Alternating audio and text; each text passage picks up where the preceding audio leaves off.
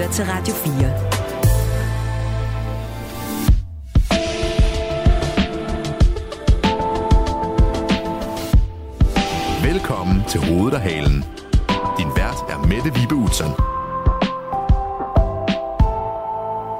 Det er torsdag, og ugens sidste udgave af Hoved og Halen er netop sat i gang. Vi skal dykke ned i bare en håndfuld af dagens nyheder. For eksempel så skal vi tale om, at politiet gerne vil have lov at bruge strømpistoler mod borgerne. Men hvorfor nu det? Vi skal også forsøge at finde hoved og hale i, om vi bør vil- være villige til at gå ned i løn og ændre arbejdsfunktioner, når vi bliver ældre. Eller om det simpelthen vil være den sikre vej til at skræmme alle ældre væk fra arbejdsmarkedet og lige lugt i armene på pensionen. Hvorfor sender Danmark mennesker ud af landet, som både taler dansk og er i gang med at uddanne sig inden for et af de fag, hvor vi i den grad mangler arbejdskraft? Som for eksempel den 29-årige socioassistentstuderende, som blev sendt hjem til Elfenbenskysten forleden. Det vil vores gæstevært i dag gerne hjælpe mig med at få stillet de vigtige spørgsmål til, og det er ingen ringer end dig, skuespiller, forfatter og podcastvært, også Bo Jørgensen. Rigtig hjertelig velkommen. Uh, tak. Ja, du er også podcastvært, fandt jeg ud af. Det er da rigtigt. Har du Var lidt- det ikke for ny? Det, var den, det er ikke så længe siden. Nej, det var noget med nogle bøger og det sådan er noget. bøger. Det Ja. er Podimo. Det er, det er klassikere. Ja. Altså øh, bogklassikere, som... som øh, altså nu er jeg jo med i en klassiker på det kongelige Det er Teater du. lige nu. Og Inden der er jo murene. mange sandheder gemt, som øh, jo det bliver ved at gentage sig, men vi bliver alligevel klogere af at blive mindet om dem. Ja. Og hvad er det så, øh, inden for bøgerne, hvad er det så for nogle klassikere? Hvad er det for en... Øh, Ja, der, der startede jeg med en øh, lille øh, kortroman af Tolstoy, der hedder Ivan Illich død, Mm-hmm. øh, for at øh, prøve at belyse det der med, at det er jo lige så vildt, at vi kommer til verden, som at vi skal herfra igen. Og hvad fik vi ud af det liv? Det er det, den, den der lille kortroman handler om. Den er Okay. fantastisk. Den er anbefalesværdig. Ja. Og så er der Marie Grubbe, Ja. som jeg læste i gymnasiet, og som jeg blev meget optaget af, Mhm. mm-hmm. da jeg gik, øh, da, da jeg læste den dengang. Og så En dansk klassiker. jeg, dansk klassiker, Mhm. mm-hmm. I.B. Jacobsen. Ja. Og den sidste, det er øh, Wuthering, Wuthering Heights. Stormfulde højder. Ja. Og, og det er selvfølgelig, fordi den er jo skrevet af en kvinde, og, og den er sådan, den, den har lige været nået at være øh, lidt, po- lidt poppet op, altså af både af film, men selve romanen er fuldstændig vidunderlig. Øh, så det var de tre, Ja. ja. Har lavet en podcast. Det er rigtigt, Ja. det hedder jo podcast. Ja, Gud. så nu du er podcastvært. Ja, Jo, jo. Ah. Men, men, øh, men hvis vi skal lave hoppet fra de store klassikere, øh, eviggyldige sandheder til nydstrømmen, som vi jo er her Ja, for at ja. øh, behandle også i dag. Hvor meget føler du så i grunden med øh, i nydstrømmen? Jamen, jeg, altså, jeg, jeg følger øh, en del med. Jeg synes, at kulturen er utrolig fraværende fra både de gule bjælker, der kører hen over skærmen, øh, hvis man får tændt for, for news. Mm. Øhm, og i det hele taget, altså øh, på DR har vi ikke længere et filmprogram. Øh, altså det, det, det øh, er sådan lidt beskæmmende, vil jeg sige, øh, at der kun er øh, de der hårdt slående nyheder, som ofte er meget triste. Ja, det er sandt. Øh, og øh, det siger man jo kultur. Hvis ikke vi hører noget om kulturen, så, så er vi, altså, hvem er vi så? Mm. Altså, Vi kan også spejle, apropos det stykke, du selv spiller, kan man ikke godt sige hovedrollen i? jo, en af dem i hvert fald. Ja, ja. Jo, Øhm, øh, gamle, gamle fru Levin. Jeg, ved ikke, Levin, hvor, ja. jeg ved ikke, hvor gammel hun egentlig er. Men, men at, øh, at hvis ikke vi spejler os i de klassikere, der er skrevet, så lærer vi heller ikke noget om, om nutiden. Men betyder det så, Bodil, at du vælger det?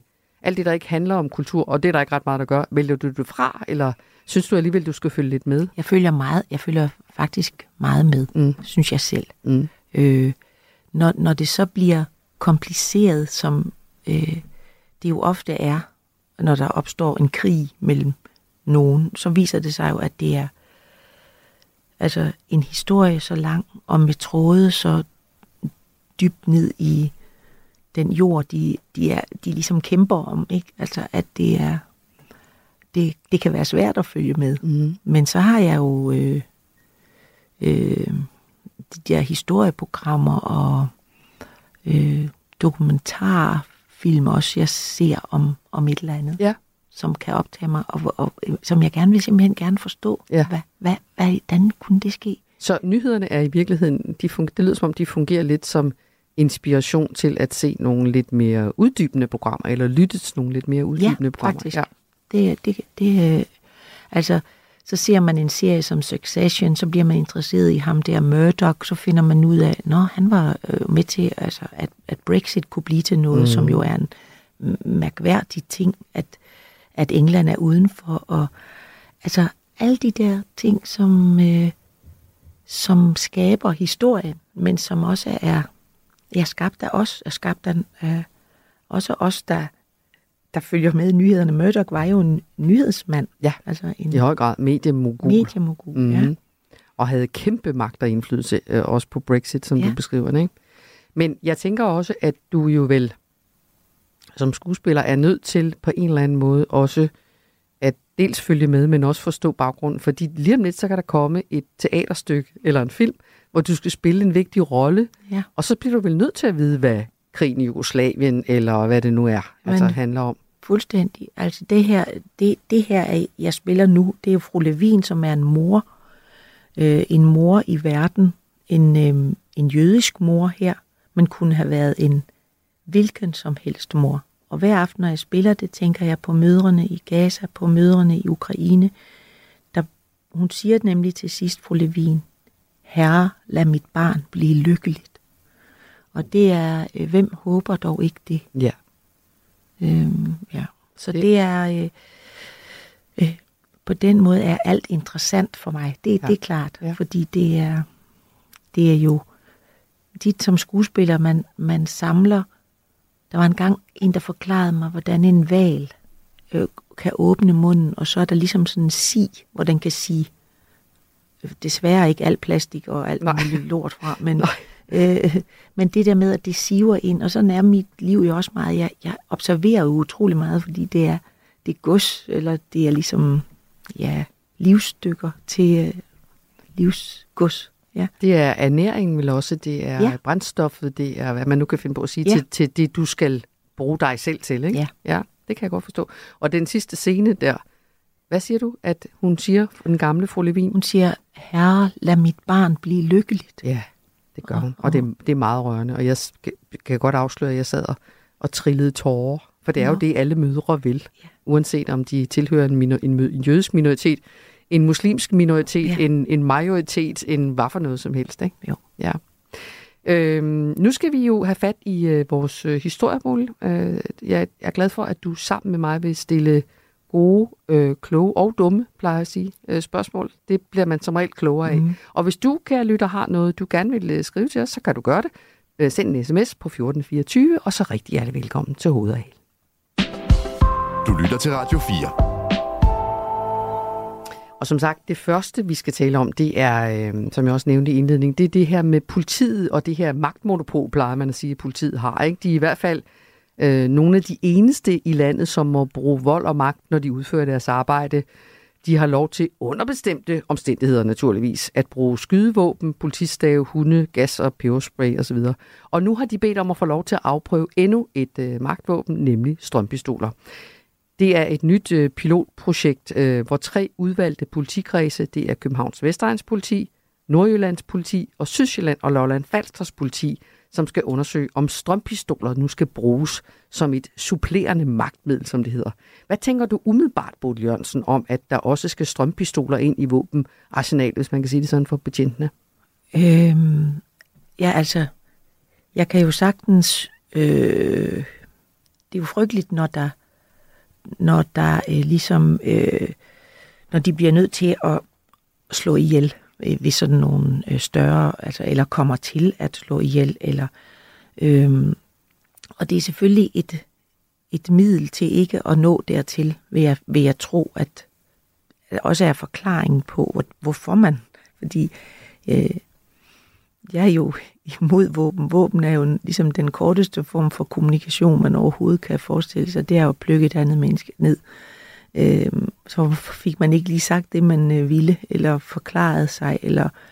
Så det er, det er jo den aller, aller sidste øh, mulighed. Men når jeg så tænker, øh, altså, ja, vi, øh, vi har jo et, et, et, et, et, et, et stort idol og et stort ideal. Det er jo at komme til at ligne vores, vores øh, ven i Amerika, som jo er vores bedste ven, som vi, vi, vi ofte skal høre, altså det er vores allierede, det, det, er fuldst, det har jeg forstået, og, og vores... Øh, øh, men nu har vi efterhånden fået meget skralleri derovre fra også. Altså vi har de der oxycontiner, som nu driller ud på stofmarkedet. De hedder opioids, ikke? Mm. Jeg har selv været på dem. Opioider, ja. ja. ja. Øh, under efter min ulykke, og det er noget af det sværeste at komme ud af. Øh, virkelig meget problematisk. Ja. Så, øh, og nu strømpistoler, som, øh, ja, som jeg, jeg ved ikke, jeg ved i hvert fald, at politiet har rejst en del i USA. De har dem også.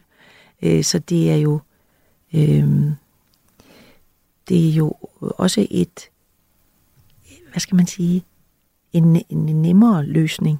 Øh, jeg, øh, nu skal vi se, om vi også får flere øh, konspirationsteorier. Nu får vi sikkert Trump tilbage. Øh, vi vil ikke have flere skole. Vi vil ikke have skoleskyderier, som de har derovre i hvert fald. Mm. Så der er sådan nogle ting, man tænker meget over. Altså, hvad, hvad, hvad, hvad gør det dog ved os? Øh, også den der øh, fascination af USA. Altså, det, ja. det, det er et mærkeligt sted at kigge hen, helt, øh, synes jeg. Ja, vi kan jo spørge dig, Knud Stadsgaard. Velkommen til. Tak for det. Du, du lytter med, tænker jeg. Du har hørt, hvad vi har talt om det til nu, Knud Det gør jeg. Ja, det er godt. Det gør jeg Chefpolitiinspektør, det er godt. Her. Det er godt. øh, chefpolitiinspektør ved en af de politikredse, som skal afprøve øh, øh, de her strømpistoler, og også tovholder på projektet, kan man vel godt sige, Københavns Vestegns øh, politi. Øh, du, det, du kan måske gøre os klogere på det her, øh, Knud Stadsgaard. Hvorfor, hvorfor vil I gerne have lov at bruge de her øh, strømpistoler? Jamen det, det, der er flere årsager til det, og, øh, og Bodil Jørgensen han rammer faktisk øh, øh, sømmet på hovedet ved, ved en af, af de ting, du siger der, øh, Bodil, nemlig at vi vil jo for alt i verden undgå at slå folk ihjel, når vi er i en situation, øh, i en, en magthåndteringssituation overfor en borger. Det vil vi gøre alt for. Og derfor har det her været rejst flere gange i politiet over de sidste faktisk flere år øh, om vi skulle prøve det her som et pilotprojekt for at se, om, om det vil have en, en effekt på vores øh, magtanvendelse i, i dansk politi. Mm. Øh, og så er det kommet op øh, jo næsten hver gang, hvor vi har haft de her meget, meget ulykkelige hændelser med psykisk sårbare personer, hvor vi har været nødt til simpelthen øh, at afgive skud med vores tjenestepistol. Og det giver sig selv, at det har meget fatale, kan have meget fatale konsekvenser øh, ved det. Øh, og så er det heller ikke en særlig rar situation for den enkelte politimand at stå i, øh, og skal trække skydevåben over for, for en borger. Og, og mange gange er det en syg borger, vi står overfor, og skal trække et skydevåben. Men en borger, der står med en kniv for eksempel, eller med en anden pistol, øh, og derfor er vi jo nødt til at handle og agere.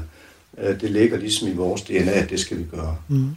Så det har været rejst flere gange, øh, det her. Og det, det, der så også gør det nu, det er, at vi har også kigget på udlandet. Og det, det viser jo, at næsten alle de lande, som vi sammenligner os med, som vi typisk sammenligner os med, også alle de nordiske lande, de har indført strømpistoler og haft det nu her noget tid. Øh, Holland har det, Tyskland har det, mange, mange lande, som vi sammenligner os med, øh, har det. Og de har alle sammen nogle rigtig, rigtig gode erfaringer med brugen øh, af strømpistol. Og derfor så tænker vi, at nu, nu, er det, nu er det nu, vi skal prøve det af. Ja. Øh, Knud, må jeg spørge dig om noget? Har du, har du headset på eller et eller andet? For jeg tænkte på, om du kunne snakke direkte ind i telefonen, for det lyder som om, vi snakker med hele det rum, du befinder dig i også nemlig. Wow, der skete i hvert fald noget. lige, så skal ja. jeg koble den frem.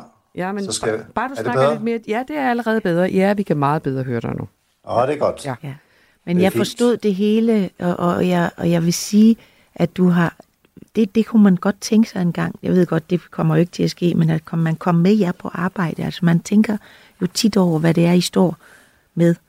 Og, øh, og, og hvordan... Altså, ja, det kan vi kun se på film, men det, det er jo vilde vilde optrin, I nogle gange øh, er, er vidne til. Ja, men det er jo det, vi står i nogle gange, desværre, og det er fuldstændig rigtigt. Og, og, ja. og så er vi nødt til at handle i den situation, som vi står i, og så er vi jo nødt til at handle med de, med de magtmidler, vi nogle gange har. Ja.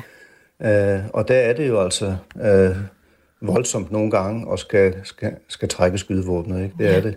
Men, men Knud Stadsgaard, det er vel ikke sådan, at, at fordi man bruger en strømpistol frem for en almindelig pistol. Jeg er med på, at det ikke er en rigtig pistol. Men det er jo ikke ufarligt heller at bruge en strømpistol øh, mod mennesker, vel? Uh, nej, jeg tror, at alle former for magtmidler, uh, de er måske på nær talens brug selvfølgelig, uh, det, er, det er forbundet med en eller anden risiko. Det mm. er det. Og det gælder jo også, uh, hvis man bruger peberspray, eller hvis man bruger en stav. Altså staven kan jo også medføre både knoglebrud og så videre, øh, og blå mærker og gule mærker i mange dage. Øh, så derfor er der selvfølgelig også en, en vis risiko forbundet øh, med strømpistoler. Øh, de erfaringer, vi har kigget i fra, fra udlandet, vi har fået rapporter fra de forskellige lande, som vi har kigget ind i, der har man ikke haft direkte øh, fatale hændelser ved brug af strømpistol. Der har været en enkelt situation, hvor en, der blev påført strøm på en strømpistol, øh, faldt om og slog hovedet på en kantsten, øh, sådan, sådan forstod jeg øh, hændelsen, og så døde ved det. Øh, men ikke direkte af strømmen. Øh, så derfor er, er det i de situationer, som vi har fået oplyst i hvert fald, der, der har det ikke været fatale hændelser.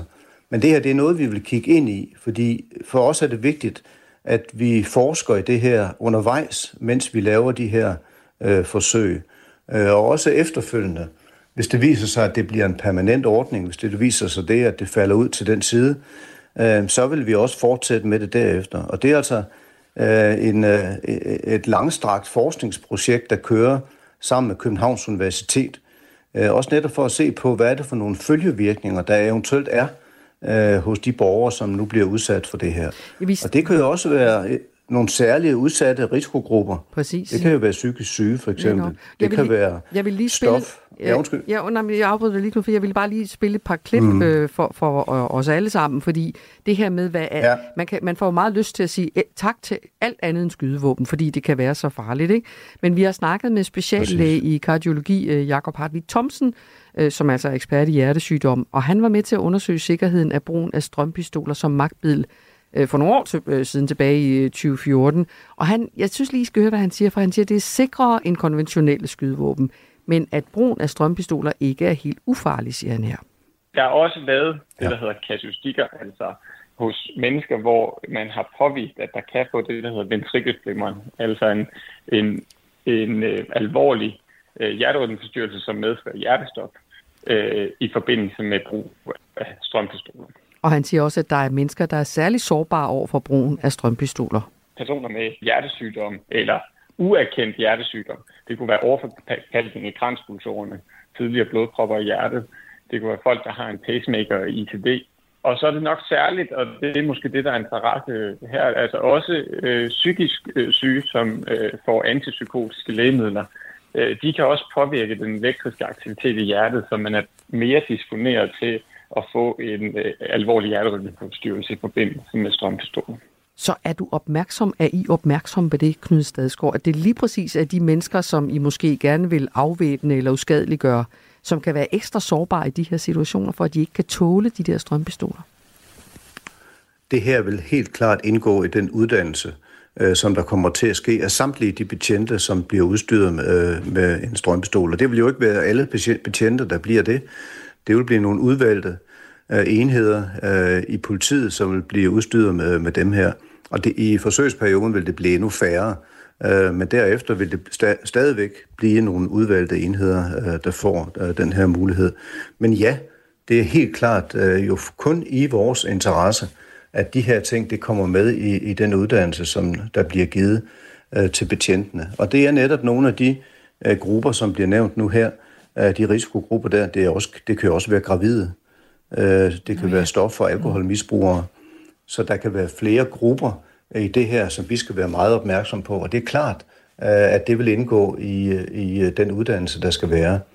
Øh, og der vil blive en grundig uddannelse, naturligvis, når vi, når vi indfører sådan et, et nyt magtmiddel, hvis vi vælger at indføre det vel at mærke efter ja, pilotprojektet. det er pilot, det må tiden projekt, ja. Ja, ja, fordi ja. når man ser øh, også, også ser film og sådan, altså øh, når, når politiet bruger våben, så er det jo tit, at de så sigter de efter, be, efter hvis en forsøger at stikke af, at det er så benet eller Øh, men det ved jeg ikke om, om sådan Ja. en strømpistol, at det, det er nok hele kroppen, eller det, det, det er ikke sådan, man Ja, kan... det er som udgangspunkt kroppen, øh, og så er Ja. det også benene. Okay. Øh, fordi man skal jo ramme sig sådan to strømførende øh, nåle ja. eller pile. Øh, og de skal helst øh, sidde et stykke fra hinanden. Altså jo tættere de sidder på hinanden, jo mindre er effekten. Så jo længere de er fra hinanden ja. øh, på kroppen, for eksempel ben og, og krop, Ja. eller bryst, øh, så har den en, en, en stor effekt. Ja. Øh, og det er jo en sådan en hurtig, øh, næsten lammelse af kroppen, der sker. Ja. Øh, til gengæld så er det lynhurtigt overstået i, igen Ja. øh, derefter. Øh, men, men det er jo sådan, den virker. Jeg kan huske, øh, min bror tissede en gang på sådan et trådhegn. Øh, øh, altså, Ja. eller, eller mine fædre fik ham til at gøre det. Eller et Jeg eller håber, andet. de var børn, Bodil. Ja. At, øh, De var børn. De var børn. Men, Nå, var men godt. jeg kan huske min bror, Mhm. mm. da, han, fik jo, han fik jo strøm igennem. det er ikke sjovt. Nej. Jeg kan ikke lade være med at tænke på Knud Stadsgaard og Bodil, for den sags skyld. Nu nævnte du selv det der med USA. Ikke? Altså i den der diskussion om våben i det hele taget, Knud Stadsgaard, den opstår vel også lidt i, også i jeres hoveder, det der med, at i USA siger man jo, at man har våben til at beskytte sig mod de andre, der har våben. Ikke? Og her i Danmark, hvor Jo. politiet så skal have endnu et våben, kunne man jo også sige, bruger man færre våben, fordi man har flere til rådighed. Forstår du, hvad jeg mener? Altså det er vel også et dilemma Ja, for jer? det godt. Ja. Jo, men det er klart, det er også et dilemma for os, og vi ønsker på ingen måde amerikanske tilstande, hvad det her angår. Øh, på ingen måde. Vi ønsker ikke et våbenkapløb øh, på nogen måde. Nej. Det vi ser det her øh, som, det er faktisk en- en mulighed for at, det skalere tingene, i frem for at skalere tingene, eskalere tingene. Og det er også det, erfaringerne viser, fordi øh, både i øh, Norge og Sverige, men også i Holland, der viser erfaringerne, at øh, i 75 procent af de tilfælde, hvor man trækker strømpistolen, og man sådan ligesom truer med at vil anvende den, øh, der overgiver øh, øh, hvad hedder det, gerningsmanden eller den pågældende, det kan være en almindelig borger, der er syg jo, øh, der overgiver de sig i 75 procent af tilfældene. Det synes vi alligevel er, er et imponerende øh, stort tal øh, i forhold til øh, og, og netop kan få, få talt tingene ned ved egentlig, at man måske trækker øh, strømpistolen og, og, og truer med at bruge den, hvis, hvis det er nødvendigt. Jeg er sikker på, at... Øh, der er øh, også en anden ja. god ting ved den. Det er, at øh, i stedet for at skal bruge for eksempel stav og peberspray og så videre, hvor du skal tæt ind øh, på hinanden og nærmest komme i infight med, med, med politi og borgere, øh, så, kan det her jo, så er det her jo et magtmiddel, der kan bruges på afstand. Ligesom pistolen. Pistolen er bare fatal. Det er, det er en strømpistol, ikke? og den kan bruges på, den, øh, på, på afstande op til, op til næsten 14 meter, øh, kan den bruges. Og det vil sige, at man behøver ikke at komme i infight, øh, og både at øh, den pågældende kommer til skade, men også at politimanden kommer til skade mm øh, ved det her. Øh, så det, det, vi ser det som en, en mildere, et mildere magtmiddel på rigtig mange måder, og det er også sådan, man ser det i udlandet. Mm. Og som sagt, det er også det, deres erfaringer viser. Og det, det er også sådan, I gerne vil bruge det. Jeg er sikker på, øh, Knud Stadsgaard, at der vil blive holdt øh, øje med øh, resultaterne af jeres pilotperiode. Tak skal du have, fordi du var med. Velbekomme. Chefpolitiinspektør ved Københavns Vestegns politi, som altså godt var klar over rigtig øh, mange af de her dilemmaer, kan man sige. Ikke? Jo, altså det er jo godt, at der samtidig kører en, en, øh, nogle, nogle, undersø- nogle øh, ja, undersøgelser mm. af, af, hvad det gør, og hvad... hvad øh, men der er altså også erfaringer derudefra, mm. kan man høre. Mm. Øh, men det er, jo, det, det er jo de der infights, man, man forstår ikke, hvad det er, de, de kommer ud til ofte. Øh, af vrede og, øh, Og afmagt ulykkelige og ulykkelige. Ja, præcis. Ja. Ja. Ja. Du lytter til Radio 4. Nå, men øh, Bole Jørgensen, vi vil også gerne blive lidt klogere på, hvem du er. Uh, ja. Øh, ja. Jamen, det, det er ikke, fordi man bliver klogere, jo ældre man... Altså, Jo, man på, gør hvem det. man, man bliver klogere, men, men på, hvem man selv Nej, er. det gør man ikke. Nej. Nej, det har du ret i. Altså, nej, man ved måske lidt noget om, hvem man ikke er. Ja, øh, hvem man troede, man var. Ja. Men hvem man så er, det bliver man ikke. Nej, det har du fuldstændig ret i. Men nu stiller jeg dig sådan nogle helt korte spørgsmål, som sådan lidt pussybogsagtige, og så kan vi se, om vi bliver klogere. Bor du stadig i den by, du voksede op i? nej. Hvor voksede du i grunden op? Jeg voksede op i en by, der hedder Vejen, som har et museum, Mm-hmm. og jeg boede ved siden af politistationen. Hvor er vejen henne i Det Danmark? ligger mellem en stationsby mellem Fredericia og Esbjerg. Ja. Øh, en rigtig gammel stationsby. Mm-hmm. Så når du på klingende sønderjysk øh, får os alle sammen til at sprutte af grin, Ja.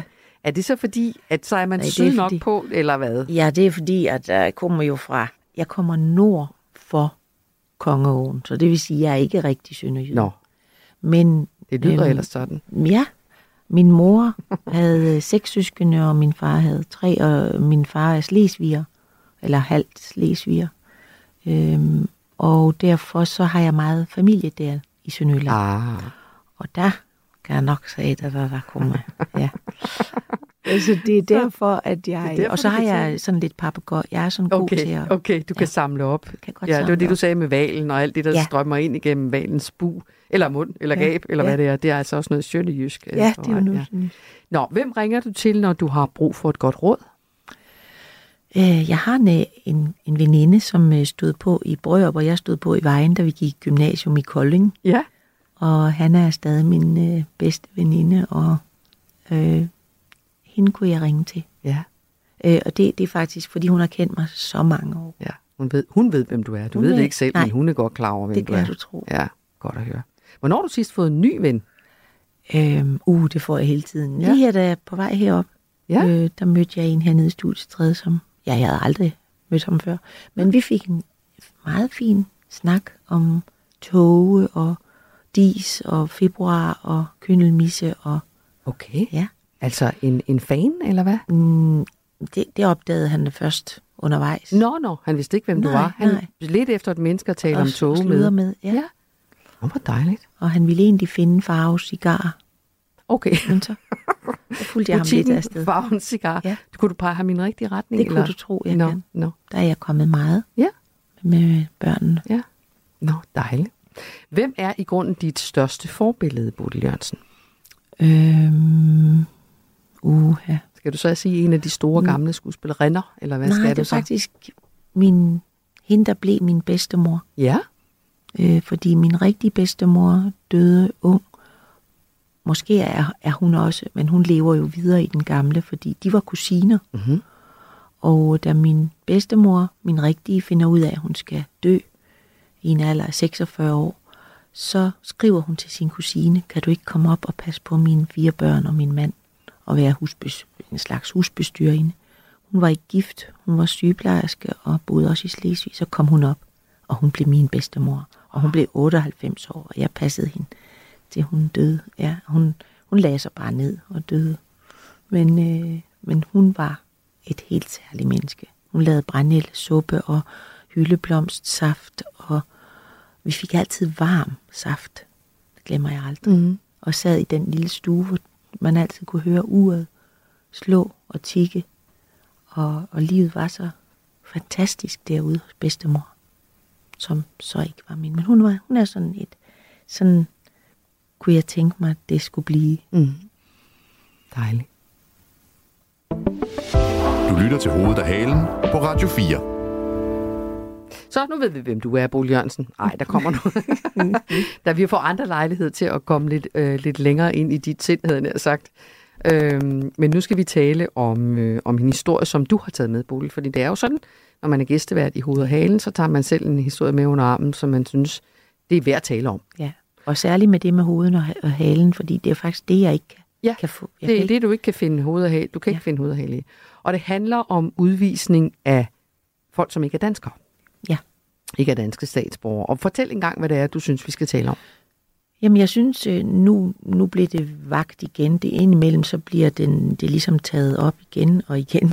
Øh, det der med, at folk, man ikke forstår, øh, skal, skal ud af landet, som pludselig skal ud og bliver fuldt ud i lufthavnen og skal rejse. Og der så jeg den her gribende afsked med en ung mand fra Elfenbenskysten, som har været i Danmark, er blevet gift i Danmark, og så er han blevet skilt i Danmark. Så har han lært sig dansk. Han talte fantastisk fint dansk og øh, var under uddannelse til at blive socioassistent, som øh, vi jo har råbt og skrevet på længe. Vi mangler i den grad øh, varme hænder, som man siger. Ja. ja og øh, øh, gjort alt for, at, at folk skulle gå den vej ved at betale for uddannelse, og jeg ved ikke hvad. Og, og så er der den her mand, som faktisk elskede sit, øh, det han lavede. Altså, han var jo i praktik på plejehjem, og de gamle elskede ham, og han kunne lide de gamle, og han orkede at tale med hver enkelt af dem. Og øh, så pludselig, så udløber hans ophold. Og det, det, det er simpelthen uforståeligt for mig. Øh, vi havde en sag ude i Lyngby Torbæk Kommune øh, med en mand, der sad øh, på sit plejehjem og, og, og i lort til halsen, hvad kan man næsten sige. Altså han sad med sin frokost, og, og altså en dement mand. Og det, det, det er en kæmpe ting, og man føler sig som borger noget så øh, frustreret over sådan nogle modsatrettede øh, nyheder, øh, når, når vi nu har, har glemt alt om kultur, ikke? så skal vi bare æde alle de nyheder der, og man tænker, man skal være politiker for at fatte, hvad er det dog, der sker? Mm-hmm. Altså, hvordan kan det dog være? Øh, ja, jeg synes godt nok, det er svært at finde hoved og hale i. Vi kan jo prøve. Vi har, skal sige til dig, Bole, vi har ringet øh, høj og lav. Vi har ringet til eksperter på universiteterne. Vi har ringet til alle mulige forskellige Chefideologen for Socialdemokratiet. Nej, ikke nødvendigvis, men du ved, nogen som sådan helt iskold og kynisk skulle fortælle, sådan her er reglerne. Ja. De, jeg tror, de er på vinterferie alle sammen, eller så videre. Men okay. vi har fundet en ekspert, som på en anden måde kan gøre os klogere på, hvad, hvorfor er det i grunden sådan, at når vi mangler varme hænder, som for eksempel Stefan, som han hedder, ja. hvorfor bliver han så alligevel sendt ud af landet? Men jeg synes, inden vi siger velkommen til gæsten, at vi lige skal høre, da Ekstrabladet talte med Stefan, lige inden han steg på rulletrapperne mod uh, security-adgangen uh, i lufthavn, der sagde han blandt andet sådan her. Og min drøm er selvfølgelig at blive færdig med min uddannelse og kunne få lov til at arbejde i, øh, i den her fag, som øh, jeg elsker. At, hjælpe folk og hygge mig med, med de, ja, de søde mennesker, der sidder på plejehjem eller ja, hjemmepleje. At give øh, glæde til dem, der har, der har behov for. Det er det, der er min drøm. Ja, det var det, der var hans drøm, men den er altså den er, den er blevet knust, kan man godt sige, fordi han er blevet sendt tilbage til Elfenbenskysten. Og Ekstrabladets øh, journalist var så på rundtur blandt regeringspolitikerne, øh, måske lidt i samme mission, som du også gerne vil, øh, vil være på, øh, Bodil Jørgensen. Han fik fat i økonomiminister Stefanie Lose, som sagde. Helt generelt så er det jo sådan, at hvis man kommer til Danmark på et opholdsgrundlag, og fundamentet for det opholdsgrundlag forsvinder, så har man så ikke ophold her længere. Og det er ligesom den måde, vi har indrettet os på. Det tror jeg sådan set er meget fornuftigt. Ja, hun mener altså, det er meget fornuftigt. Nu, nu får vi en, øh, en gæst med os, øh, Bodil, og I kender ovenikøbet hinanden. Øh, velkommen, Erbil Kaja. Tak. Mange tak for det. Forsvarsadvokat, du har selv beskæftiget dig med udvisningssager, og der er et eller andet, der snakker meget højt på et andet sprog i baggrunden, Erbil. Kan du, kan du enten kvæle dem, der taler højt? Nej, det er måske en dårlig idé. Ja, Men, ved du, jeg, jeg rykker lige andet. Kan du godt det, fordi jeg vi håber, kan det høre... bedre nu. Ja, ja, vi, vi har også fanget dig på din vinterferie. Du er bare lidt flinkere end alle de andre, fordi du siger ja til at tale med os alligevel. Du har haft mange af de der udvisningssager, og I to kender godt hinanden Hej, fra noget Erbil. børnehave, eller hvad det er for noget. Hej, Bodil. Hej, Erbil. Hej. Øh, og, og kan du, Erbil, altså nu er du, man kan jo godt sige, at du ikke er part i den her sag, men du er ofte part i sager med folk, som bliver sendt ud af, af Danmark. Kan du, kan du forklare, Bodil, hvordan reglerne er skruet sammen, siden at sådan en som Stefan skal sendes ud af landet igen? Jamen altså, øh, det er selvfølgelig svært for mig at forholde mig til den konkrete sag, øh, da jeg jo kender den på den måde. Men det skal altså, der er jo, ikke de her, de her sager, de, de dukker op med, med jævne mellemrum, hvor man tænker, at der, der er jo et eller andet helt galt med, med det her system. Men altså, det er jo en konsekvens af den her meget stramme udlændingepolitik, som øh, politikerne de, de, de har hyldet igennem mange år. Og det betyder jo så, at der bliver skruet på, øh, på betingelserne, og det gør os konstant sværere og sværere at, at opholde sig i Danmark. Og der siger man så, at hvis man øh, mister sit opholdsgrundlag øh, af forskellige årsager, det kan være, at man bliver skilt eller går fra sin øh, kæreste, kone eller hvad det er, eller mister sit arbejde, jamen så er udgangspunktet, jamen så har man ikke længere det opholdsgrundlag, som man tidligere har haft. Og, og det medfører så, at øh, man skal udsendes af Danmark, og, og det er særligt en situation, hvor man ikke har permanent opholdstilladelse. Og, det, og, det, og der skruer man jo også hele tiden konstant på, hvornår man kan få permanent opholdstilladelse. Øh, fordi har man det, jamen så er man ikke afhængig af det grundlag, man ligesom fik sit opholdsgrundlag på baggrund af. Og, og det, men, men så længe man har midlertidig opholdstilladelse, jamen så, øh, så er det jo betinget af, at man fortsætter det forløb, man har været en del af. Jeg ved ikke, om det var til at forstå. Jo, men, jo, øh, så, så, så det vil sige, hvis man, altså der behøver sådan set ikke, han behøver ikke at have gjort noget forkert i og for sig. Han har bare, hans, hans lovlige grundlag for at være her, forsvinder bare, fordi han bliver skilt. Er det ikke sådan, det Jo, ja. det, er det, det er det jo nok i hans... Ja, ja, lige præcis. Ja. Ja, ja, lige præcis. Det behøver ikke være noget... øh, Altså, hvis det var noget ulovligt, så skulle det igennem domstolen, og så skulle en dommer tage stilling til, om man skulle have inddraget... Altså, hvis, øh, altså der er et spørgsmål, om man, bliver, man skal udvises eller ej. Øh, Og hvis en dommer beslutter sig for, at man på forbindelse med noget kriminelt skal udvises, så, så skal man ud. Og det kan også være, at man ikke bliver udvist, så har man stadig sit opholdsgrundlag. Men, men det, der er tale om i Stefan-sag og i mange af de andre sager, hvor folk de øh, tænker, det, kan det virkelig passe? Det er jo mere de situationer, hvor, hvor man ikke har gjort noget kriminelt, og hvor man tænker, ah, okay, det, det, nu har han altså været her igen mange år. Og det kan også være, at man har et barn, og selv der kan man risikere at miste sit opholdsgrundlag, hvis man bliver skilt eksempelvis. Og også, også Erbil, altså øh, øh, det danske system sender ham jo i gang med en uddannelse, som han så ikke får mulighed for at gøre færdig. Det er jo egentlig mærkeligt, at altså, det burde jo, Mm. Øh, så burde man bremse ham, altså så burde man ligesom sige, fordi han, han kommer jo ikke herfra med et stykke papir i hånden, eller det er på en eller anden måde benhårdt, ikke? Altså, at man venter og venter og venter på noget øh, opholdsmulighed, og så, altså, øh, jeg forstår det. Men jeg tænkte også på, Erbil, altså når, når du ved, han er jo ikke, han er familiesammenført, det vil sige, han er, har ikke asylgrunde, som jeg forstår det, eller noget andet, vel? Altså, han er her, fordi han er blevet gift, og så har han fået lov at være her. Men er der ikke noget, altså, det, jeg kan godt forstå, at Bodil siger, at det er svært at finde hoved og hale i lovgivningen, for det, det virker også som om, at det, den ændrer sig hele tiden, eller, og det er også det, du siger, mm. eller også, at politikerne taler om at ændre den hele tiden. Man kan nogle gange heller ikke helt skelne mellem, hvornår de gør det, og hvornår de siger, det vil. Så altså, er der, kan man ikke, hvis du, for, hvis du nu var hans forsvarsadvokat, kunne du så ikke finde et nyt opholdsgrundlag for ham et andet sted? Det kunne man givetvis. Det kunne man Altså i givetvis, Danmark, men mener jeg selvfølgelig. Ja. Ja, ja, ja klart, ja. klart. Det, det er rigtigt. Det, øh, det, det kunne man, altså det, hvis man så bliver gift, øh, gift med en ny eksempelvis, øh, så, så kunne det måske være en, en men altså det, det, det vil myndighederne formentlig også betragte som pro forma, ikke? Hvis, hvis det er, at man går fra en, og så pludselig er sammen med en anden en dagen efter, altså hvor hurtigt kan det lige gå, den forelskelse, ikke? Altså, og, så, så det, vil, det, vil, det vil myndighederne også se på og sige, okay, kunne det være pro forma, ikke? Øh, men, men det er ikke bare lige sådan, specielt hvis man har været gift eller et eller andet, og det, og det er skilsmissen, der begrunder det.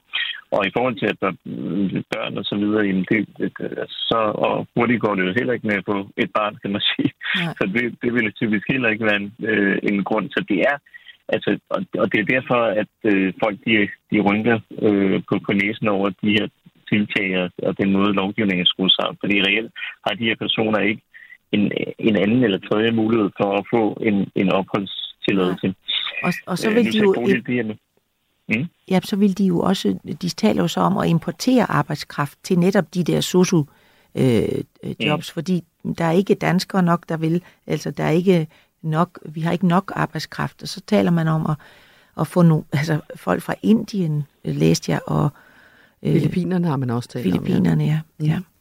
Nå, men det, altså, det, der er noget absurd ved det, ved det, det der, altså, det, Ja, det virker lidt skørt, det, det er rigtigt. Men, men det tror jeg også, altså hvad, hvad jeg lige har kunne øh, læse mig frem til i medierne og så videre, når man hører på de politiske meldinger, der er, så, altså, så går det jo også på, at man måske synes, at øh, det her det har taget overhånd. Ikke? Altså at man har strammet skruen så meget, at man i virkeligheden rammer de forkerte mennesker, nemlig, øh, og at man måske vil lave nogle lovgivningstiltag, som kan, kan rette op på den skævhed. ja. Fordi det er jo en skævhed, og det, jeg tror heller ikke politikerne havde i sinde, at det var den slags mennesker, der skulle øh, udsendes nødvendigvis. Øh, nej, lige så, præcis. så, det, så, så det, det, det, men det er jo en lovgivningsmæssig tiltag, som, som det vil kræve, ikke? Ja, Øh, Men, men det er måske også, fordi der er nye vinde, der blæser i retning af, at man har brug for arbejdskraften. Altså tidligere har man måske ikke på samme måde haft øh, brug for, for arbejdskraften. Så er det måske lidt mere, øh, øh, hvad kan man sige, der, der kan man måske bedre tale om, at øh, vi vil helst ikke have så mange til Danmark.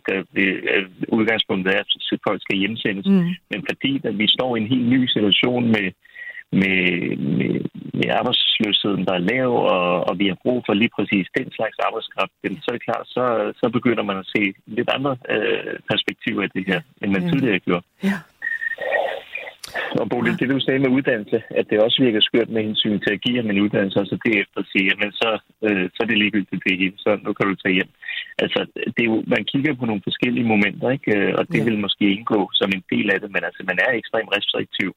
Øh, og udgangspunktet er, at det er jo de politiske vinde, der er, det, det er jo de lov, lovgivning, som i sit tilfælde, der, der er, det er, at udgangspunktet er, har du ikke et opholdsgrundlag, øh, så skal du, så skal du. Øh, så, så det kræver vidderligt meget, øh, hvis man skal sige, det, det, altså, selv hvis du har et barn i Danmark, kan du ikke være sikker på, at du kan blive i Danmark, øh, hvis de er, typisk hvis de er under 5-6 år. Ikke? Så siger man, der kan du lige så godt tage til det land, som vedkommende skal hjemsende til. Der kan I, der kan I lige så godt have et samvær, øh, som I kan i Danmark. Ja. Tak skal du have, Erbil øh, Gaia, fordi vi måtte... Øh, tak, Erbil. Ja, fordi vi måtte forstyrre dig på din tak. vinterferie. Tusind tak for at være med. Som altså er forsvarsadvokat. Han har ikke noget med den her sag at gøre, men Nej. han tager sig af sager som, som den her type her. Ikke? Bliver du klogere, Bodil? Ja, mm. altså det gør man jo, og ja. man bliver klogere, men man bliver også ked af det. Ja, men der er jo mange, der vil sige, ja, men vi bliver nødt til at have en grænse for, hvor mange der må komme ind, og når man ikke har noget øh, lovligt grundlag, så skal man ikke være her. Nej. Øh, jeg, har, jeg har øh, været værve for øh, u, nogle uledsagede unge øh, mænd fra øh, hen, henholdsvis Syrien og fra Afghanistan, og hvor har vi dog siddet i Næstved, nu har de jo flyttet udlændingsstyrelsen der, og altså, hvor har vi dog siddet og ventet og ventet og ventet, og at de har ventet i månedsvis på et eller andet form for afklaring øh, på hans situation. Øh, så, øh, og det er, det er et farligt sted for sådan nogle unge at være i sådan et vakuum, hvor de ikke ved, øh, netop også i forhold til uddannelse og sådan, øh, skal de gå i gang med noget, øh, fordi de ved ikke, om de, hvordan deres Om de får lov at blive. Har de fået lov at blive dem, du har været værve for? Ja. Så du har simpelthen været en del af civilsamfundet, Bodil Jørgensen. Du har taget dig unge uledsagede flygtninge fra Syrien og Afghanistan. Mm. Hvorfor har du det? Øh, ja, det er jo lidt at den samme, øh, for at finde hoved og hale i øh, det hele. Altså at jeg er jo tilfældigvis blevet født her i en lille, øh, øh, en lille øh, øh, del af verden, hvor vi har det rigtig godt. Øh, det kan vi jo ikke komme udenom. Øh, der er også mange, der har det rigtig dårligt, men øh, og det Øh, Øh, det er jeg helt med på, at øh, det er også en det er også noget, der, der, der, der ligger måske tæt på. Men, men for ikke at få det for dårligt, så har jeg simpelthen kastet mig ud i, i, i de der ting. Og, og når jeg så ser, at der er noget, der lykkes, så får jeg det også godt. Og, og de får det også godt. Og på den måde, øhm, øh, er man ligesom, jeg ved det ikke, hvordan man bedst bekæmper det, man ikke forstår, eller det onde. Det er vel ved at gøre små fremskridt i det gode hver dag, at man ligesom tænker, der kunne jeg godt gøre en forskel. Her kan jeg også lige sådan der, og så, og så ender det faktisk med noget, øh, øh, som vi alle kan, kan, kan bruge og få del i. Øh, fordi de er velintegrerede. Altså det, det, det handler jo også om os, øh, der bor her allerede, at vi skal, jeg siger altid, øh, alle burde kende en arabisk familie. Jeg har selv en, altså jeg er, den, jeg er æresgæst, når jeg kommer og får den bedste mad, og den fede kalven bliver slagtet, og altså jeg vil bare, det er bare for at sige det. Og så kan man danse til klokken 4 om morgenen, øh, uden alkohol. det er også sjovt. Katrine Abrahamsen, hvad er din første indtryk af Frank Ocean? Kærlighed ved første lyt? Fuldstændig. I Portrætalbum bruger Anders Bøtter musikken til at vise nye sider af sine gæster. Når jeg kigger tilbage på de her billeder, ser jeg super glad ud, men jeg kæmper virkelig med nogle indre demons. jeg starter op på antidepressiver, for altså også på et tidspunkt benzodiazepiner, fordi jeg ikke sov i 10 dage. Jeg synes, det var svært at være ude, og så hørte jeg bare albummet der fra A til B, når jeg var, og det var det samme, jeg hørte, hver gang jeg så var ude, og det var sådan en styrkende oplevelse. Lyt til Portrætalbum i Radio 4's app, eller der, hvor du lytter til podcast. Det her musik, det betyder meget for dig, Katrine. Ej, men jeg, jeg er bare på røven over det her album. Øh, Bo Jørgensen, vi har en enkelt historie tilbage, men inden da, så vil jeg egentlig godt lige øh, øh, tage en af de overskrifter, som vi har fundet frem, når man googler dig. Der er godt nok meget at tage af, Bo Jørgensen. Ja, du har lavet rigtig mange øh, ting øh, i et langt liv, kan man også godt sige. Ja, det er det ved at være. Ja. Og jeg tænkte på, at øh, en af dem, jeg faldt over, øh, det er en bog, du har været med til at skrive sammen med, øh, sammen med sovnepræsten Mikkel Vold. Og overskriften her er fra Information for et par år siden. Vi bliver først mennesker, når vi rettes mod noget uden for os selv. Og den, den hænger, lyder næsten som om, den hænger lidt sammen med det, du lige har sagt. Øh, ja, ja det, er, det er jeg sikker på, at, at der er noget om.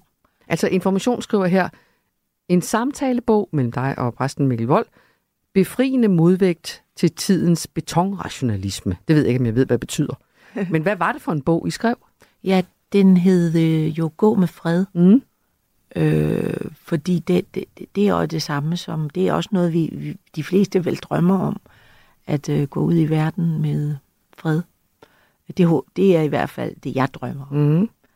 Og hvorfor snakkede du med præsten Mikkel Vold det om det? Det gjorde jeg, fordi øh, at, at det der gå med fred jo stammer fra nadveren, hvor man, til, når man har, ligesom er, har været igennem nadveren, så, så siger præsten, gå nu med fred ud i verden og, øh, og mød verden. Øh, øh, og det, det, det, det er sådan, jeg helst vil møde verden. Og det, jeg kan igennem mange års, som du selv siger, jeg er ved at være op deroppe af, øh, erfare. Vi er lige gamle, Bolig. Er vi det? Ja, det er vi. Ja.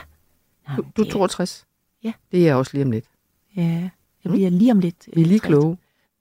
ja, og dumme, men altså, vi er det. Vi er, vi, er, vi er ved at have nogle erfaringer i hvert fald. Og der er en af mine erfaringer, som jeg har haft utrolig glæde af, det er det der at møde verden. Øh, øh, og møde det med, med, også med noget, som er uden for mig selv. Altså, mm. fordi det er jo hurtigt overstået. Altså, man, for eksempel sidder mit hår ordentligt, altså, hvem er, men, men i det møde med et andet menneske, det er jo der, man finder ud af, at man findes i virkeligheden, at man er. Mm. Og det, det synes jeg var så, at jeg, det havde jeg også brug for, øh, at Mikkel øh, klogede i, fordi han er sådan en klog mand. Ja. Øh, og, og han har læst så meget, og han har været sove. Øh, han er jo også øh, øh, sjælesørger og, og præst der i, har mødt også rigtig mange mennesker og på kanten. Og, og du er et religiøst menneske også, ikke? Jeg er øh, et, øh, jeg synes, Kristus er en, noget af det øh, så mest, han er sådan, han er mit idol på en måde. Altså udover min gamle bedstemor. Ja.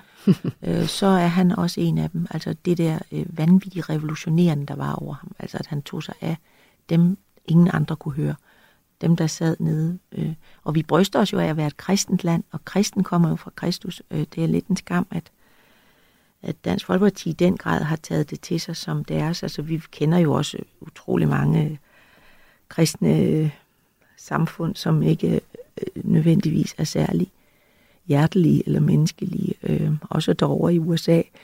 Øh, men, øh, men i hvert fald er det det, som, som jeg øh, gerne ville tale lidt mere om. Ja. Hvad ja. er det for noget, det med det at være kristen? Mm. Eller? Mhm.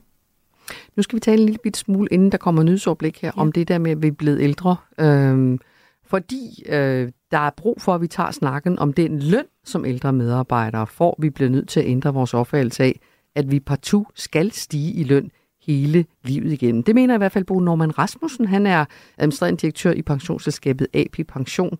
Og han siger, at vi bliver nødt til at indse, at vi på et eller andet tidspunkt falder lidt i markedsværdi, når vi når en vis alder. Prøv at lytte til ham her, Bo Jørgensen. Vi skal arbejde frem til vi er 72 år, og øh, jeg tror, at øh, mange af de øh, personer, som nærmer sig de 72 år, de har behov for at få nogle andre opgaver undervejs. De har behov for, at deres arbejdsdag den ændrer sig. Det kan være, at man ikke længere vil være chef. Det kan være, at man gerne vil have en tre-dages arbejdsuge og komme hjem til børnene eller børnebørnene. Og i de billeder her, med forskellige muligheder, man vil måske også gerne skifte industri, jamen så bliver man nødt til at, øh, at melde ind øh, og sige, at jeg vil gerne have nogle vilkår, men jeg vil også gerne diskutere, hvad er en færre pris på den øh, opgave og den arbejdsindsats, øh, som jeg fremover kan lægge. Det er lidt en, øh, en varm kartoffel. Det er en, øh, en svær diskussion at tage med sine medarbejdere. Men øh, det er han altså ikke øh, helt... Øh, kan, der er han møder modstand, lad mig sige det på den måde. Camilla Gregersen er forperson for den akademiske fagforening. Øh, DM, en fagforening for akademikere, også kendt som Magisterforening. Og hun siger sådan her. Altså, jeg synes, hovedproblemet er, at han taler de øh, seniorer og ældre medarbejdere meget ned, og det har vi slet ikke behov for. For når vi kigger på de erfarne medarbejdere, så har de jo rigtig meget viden, kompetencer og erfaring med sig, og jeg synes, at det han gør her, det er faktisk, at han kommer til at forringe deres markedsværdi ved at tale om dem som nogen, og nu citerer jeg, hvor deres ambition og motivation er svækket. Det synes jeg faktisk er en rigtig kedelig omtale af seniorer. Hvis vi så kigger på lønnen, som jo er den anden, øh, en af de andre substansting, så kan vi se, når vi kigger på lønstatistikkerne, så er der faktisk et lille fald senere i arbejdslivet, hvor ens løn falder en lille smule. Det vil sige, det som han øh, foreslår, man skal gøre, det er faktisk noget, der allerede er sket. Det vil sige, der er ikke noget problem, men der vil komme et gigaproblem, kan jeg godt sige, med at fastholde kompetent arbejdskraft i de sidste år, hvis man forstærker, at de skal gå ned i løn. Siger altså Camilla Gregersen. Mm. Øh, hvad synes du i grunden, Paul Jørgensen? Er det at underminere vores egen værdi, hvis vi som ældre går ned i løn? Eller synes du, det er en god idé? Øh, altså, det er akademikernes pension, eller hvad, hvad det er. Hvad, ja, hvad det, kunne egentlig, det kunne egentlig være hvem som helst, ja. ikke? men det er dem, han øh, repræsenterer. Ja, ja, ja altså det, det vil jeg også sige. Er det ikke, så har det ikke altid været sådan, at den, øh, den klogeste bliver øh, den, altså, øh, værdsat på en eller anden måde. Altså al den netop erfaring, som man har brugt år på at, at få. Øh, alle de bøger, man har læst, alt det. Øh, altså hele det der med at være mester i noget og have en lærling. Altså det, det, det vil jo... Det, det, det er en... Nej, jeg synes, det er en dum vej at gå. Ja. For du, tjener du, men nu spørger jeg til ja. din private økonomi, tjener du mere i dag som skuespiller, end du gjorde for 20 år siden? Altså, der er jo noget, der hedder ancien, Altså, nu for eksempel på det kongeteater, der er vi jo statsansatte. Så vi får, jeg får det samme som en sygeplejerske, for, altså en, en veluddannet mm. sygeplejerske. Men jeg får fra den dag, jeg blev uddannet ja, skuespiller, der er en ancienitet. Ja. ja. Og det er jo en stigning, fordi man har ancienitet, ja. fordi man har erfaring, og fordi man... Øhm, Ja, så øh, på den måde er der ikke... Øh, altså, Men på film måske, eller andre teaterforestillinger? På film, der er det jo... Øh, der, der vil der jo være de film øh, folk. Jeg kender jo ikke rigtig min egen kilopris. men, øh, men, men... Øh, den er høj, tror jeg, Bull Jørgensen. Det, det, det, det, at, det tror jeg bestemt også, at, øh, at, at der er nogen, der vil gå i biografen, fordi at jeg er med i filmen mm. måske, ikke? Altså det, det, men det er alligevel sådan noget, som er ret svært at, at have med at gøre, fordi øh, det kan jo også, man kan sove en nat, så er det hele over. Ja. Altså, så øh, der er ingen, der gider se mig Nej, mere. det er rigtigt. Så, øh, men, men jeg synes, det er en, det er en dårlig idé, det der.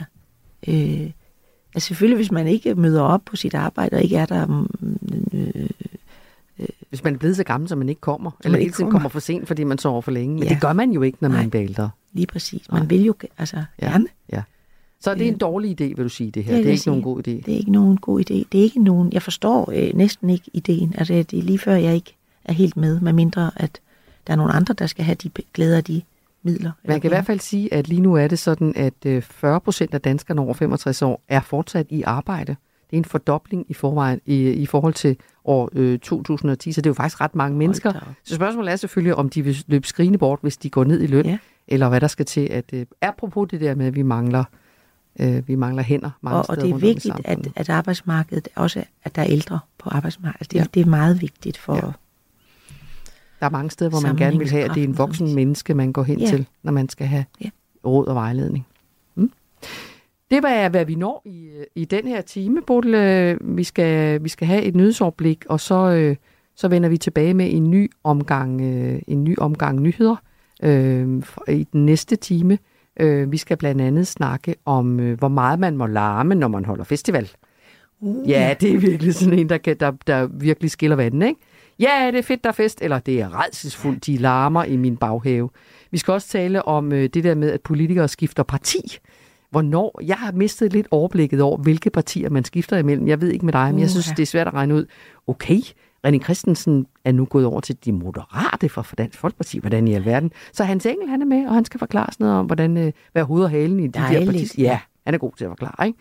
Og så skal vi også tale om, at øh, mange af de her, nogle af de her sæddonorer, som tjener gode penge på at sætte børn øh, i verden, havde jeg sagt, øh, via deres donationer af sæd, de får øh, penge, kontanter øh, lige i hånden. Og det er ikke dem alle sammen, der betaler skat. Mm. Ja, ja, ja. Så øh, det er nogle af de emner, som vi kaster os over i næste time af hovedet og halen.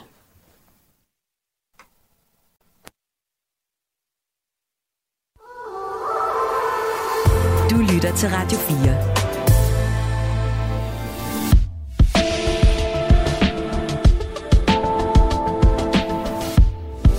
Velkommen til Hovedet og Halen.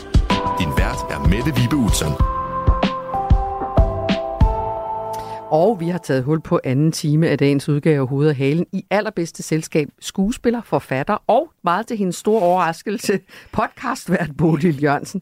Bodil, er du klar til næste runde? Ja, det Nej, kan du tro. Det er dejligt. Men det her, jeg er med i nu, det er jo ikke podcast. Nej, Nej jo, eller det kan man godt påstå. Altså, det er et godt spørgsmål, ikke? Fordi Ja. ja. det, er jo live radio. Vi sender live. Ja. Men man kan jo podcaste det. Ah. Hvis man går ind på Radio 4-appen, du kan gå hjem og høre dig selv. Ja, ja. Så kan man gå ind og høre det, hvis man vil det. Men, men ja, så det er egentlig, radio er blevet noget andet, end radio var Det, var, engang. det er nemlig det. Ja. ja. ja. Øh, det er også blevet lidt moderne at kalde noget for en podcast en gang, vil har jeg indtryk af. Altså, det her er faktisk bare radio. Ja.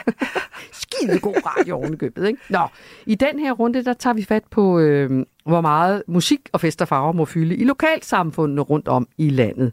Nogen elsker, at der er festival i baghaven, og de laver ølboder, eller bager kager, eller, eller køber billetter og selv med, Ja. og synes, det er skideskægt, ikke? Og andre hader det som pesten, ikke? Og vi skal forsøge at finde hoved og hale i grænserne for de her festivaler. Så skal vi også tale om, at endnu en politiker har flyttet sig fra et parti til et andet. Denne gang er det René Christensen, som forlader Dansk Folkeparti, og så har meldt sig ind i Moderaterne. Og han har selv, mener han, en god forklaring på, hvordan man kan skifte fra et parti til et andet, der er så forskelligt. Men nogle af alle os andre, altså vælgerne, kunne måske godt bruge en ekspert til at forsøge at finde hoved og hale i, hvad det er, der sker med alle dem, der hopper rundt mellem partierne for tiden. Så Hans Engel, han forklarer det. Ej, det lyder Mhm. mm-hmm. som, det er nemlig også det. Altså, jeg tror, jeg vil have svært ved at gå på gangene på Christiansborg, og så, Og vink til der alle de gamle venner. ja, og, sådan, og, så, og så se dem i øjnene, mens de fortæller, at de, nu er de pludselig der. Altså, de, Ja. Der er en eller anden form for pinagtighed over det, som jeg næsten ikke... Altså, Nej, og- jeg, er ellers, øh, jeg, jo, jeg går ind for alt det pinlige. Og, Ja. men altså, der er min Du har sko- sat en ære i at være pinlig igennem alle årene ja. Som skuespiller. Ja, Men det der, det... Nej, jeg ved ikke rigtigt. nej, nej. Nå, men vi forsøger at Vi- finde hoved det og hale i det her den næste ja. times tid. Øhm, det handler jo om nyhedshavet på sådan et døgn som det her, Bodil. Vi tager nogle af de der ting, der dukker op og siger, "Hvad- hvad for noget, det forstod jeg, ikke? Hvad er nyheden i dit liv i de her dage, Bodil Jørgensen? Uh, jamen, øh, altså jeg synes jo, at der er... Øh, at faktisk er der sket det, at vi har købt en brugt elbil. Ej, det? Ja. En brugt elbil? Ja, allerede. Okay, elbil. allerede, ja. Øhm, og det er altså... Jeg ved ikke, det er sådan en ny nyhed på en måde, som er god for mig. Altså det der, at, at jeg kører og med god samvittighed, og jeg kører ligesom ikke stærkere, end jeg må, fordi så bruger jeg jo øh, batteri. Ah, så der er kommet sådan et fedterøvselement ind Der i er det kommet også. et, et slags fedterøvselement, Ja. men, men som også klæder trafikken. Ja. Altså, Og nedsætter risikoen for at komme til at køre galt måske også. også det. Ja. Så det er sådan en, et, noget helt noget nyt. Mm. Øh, ja, Er du glad for den, din elbil? meget glad. Ja. Ja, og det det er ikke besværligt, at du skal lade op? Nej, og... nej, nej. Fordi der er også en ny måde at køre på. Så Mm. holder du 20 minutter, så hører du podcast, eller, eller ja, Ja. følger med. Ja. Der, jeg ved, der også er en anden nyhed, fordi jeg får den hele tiden. Den ja. dukker hele tiden op i mit feed, og det er, at du skal spille. Du spiller, ikke du skal spille. Du spiller hovedrollen i en ny dansk film, så jeg. Ja, Og Rom, den dukker hele tiden op, alt, hvor den jeg kigger er også, på nettet. det er næste uge, Ja. så det er også øh, ny, nyhed, Ja. nyhed for mig. Jeg har set den Er det 100 år siden, I har optaget den, eller hvad? et år, Et år siden. og jeg Ikke havde aldrig været i Rom. Nej. Og, og det var virkelig en stor oplevelse. Ja. Det der, at der har været en by der i 3000 år, og, altså, og, og de der øh, gamle øh, sten. Og, altså, vi var lige, men lige før man får kulder af alle de Ja. ja. murbrokker. Ja. Altså, Det hedder et eller andet, ikke også det der med, at man bliver overvældet af skønheden? Jo. Jeg kan ikke huske, hvad det hedder. det hedder, øh, det er, et syn- det er sådan et syndrom, ja. Stendal. Det er det, det er. Stendal, ja. Ja. Der er vist en afdeling på deres øh, sygehus, et, et, et, hvor, hvor man ligesom kan blive indlagt, når man får den der, det, det er for meget, det er, og så Og så, og så skulle... og helst uden strømpistol. Ja, men hvordan, Bodil, hvordan filmer man, filmer man i Rom? Altså, fordi der, der, der er Jamen altså, steder, det var man- også fantastisk. Det var jo, selvfølgelig var der nogen i vores lille italienske filmselskab, som var sicilianer og kendte dem, der stod og, og vogtede over øh, Trevi-fontænen. Og så sagde de bare, vi kommer fra den samme by på Sicilien, I, I kan bare filme her. Vi lukker det hele. Det bekræfter alle mine fordomme om italienere, Ja. både gode og dårlige. Ja. ja. Faktisk. Og så er det en kærlighedshistorie, som jeg forstår det, ikke? Jo, det er en øh, god gammeldags, øh, god gammel trekant. Ah. Nej, altså det er jo, men man kan også sige, at det er en trekant med livet, fordi det er det her par, og de har levet sammen i 40 år, og så tager hun sin mand med tilbage til Rom, hvor hun var som ung. Han har aldrig været der, og så går hun selvfølgelig de samme steder hen, og der møder hun så flammen fra dengang. Fra dengang. Øh, og hun har tegnet og malet, da hun var ung, og det har hun holdt op med, og så handler det om, øh, gjorde jeg det, jeg ville, blev jeg den, jeg Uh, skulle de være. store spørgsmål, Store spørgsmål. som vi havde med i første time også. Ja, faktisk. Mm. Ja. Det vil jeg glæde mig til at se. Øhm, vi, skal, øh, vi skal blive klogere på, øh, hvem Bodil Jørgensen er inde bag øh, alle de her mange, mange roller, du har spillet. Øh, du var sød at sige, at jeg har været en, et ansigt i, øh, i, i dit liv, fordi jeg har lavet nyheder i smag. ja. Du har jo været et ansigt i mit liv. Det er skægt, ja. I, I rigtig mange år. På alle mulige gakkede måder, vil jeg sige. Men senest virkelig, virkelig rørende i forestillingen inden for murene på det Kongelige Teater. Den kan man ikke nå at se, for den er fuldstændig udsolgt, og I spiller kun. Du skal spille i aften, ikke? Jo, ja. jeg skal spille i aften. Ja. Ja. Og til på lørdag her på, i København, gamle scene, og så Mhm. tager vi på turné. Det glæder jeg mig altid til. Ja. Og det er sjovt, og så i Esbjerg, der kommer jo hele min familie. Nå, ja, selvfølgelig. Ja. Og nogle billetter, vi kan få der. nu gratis også. Ja, jo. ja. ja. Uh, har der. Det kan du tro. Havde du så det? Ja, det havde jeg. Nå, det var godt. Det var så fint. så, så resten af Danmark får, får mulighed for os, eller dele af resten af Danmark. Ja. Spændende. Rigtig, rigtig meget held og lykke med det. Vi skal... Og vi skal lige sige, du er også velkommen til, kære lytter, at sende os en, øh, en besked. Det har Tine i Hirtals gjort øh, på 1424. Hun skriver, Bodil Jørgensen er simpelthen fantastisk. Hun har humor, hun er sympatisk og en rigtig god skuespiller. Jeg er kæmpe fan. Må, må du hilse Sød Hirtshals, der ja. kommer vi jo opad. Ja, det gør I Ja, ja. opad, opad i hvert fald, ja. ja. Rigtig hjertelig velkommen til anden runde af Hoved og Halen. Du lytter til hovedet og halen. var så meget,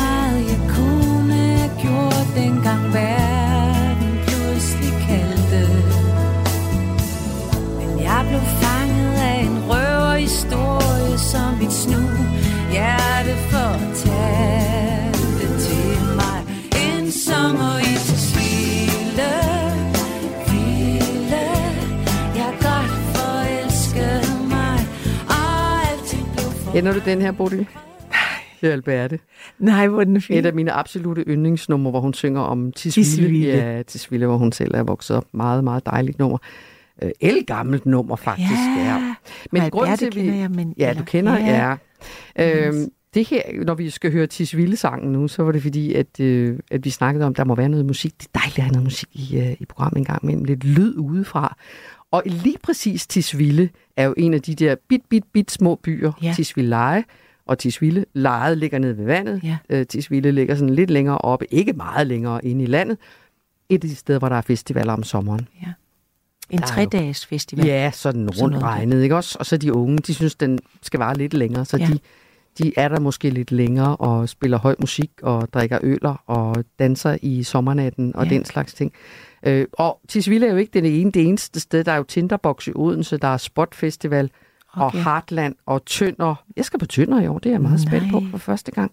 Så er der jo selvfølgelig Roskilde Festivalen, der er jo øh, Wonder Festival. Der er festivaler, altså virkelig, virkelig mange steder rundt Ja. om i landet. Er du, går du til festival?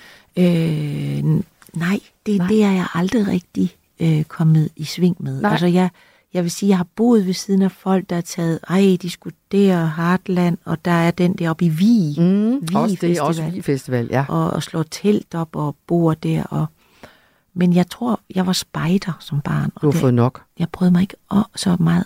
Altså, jeg sad altid og skrubbede krydder af med en renslet svamp.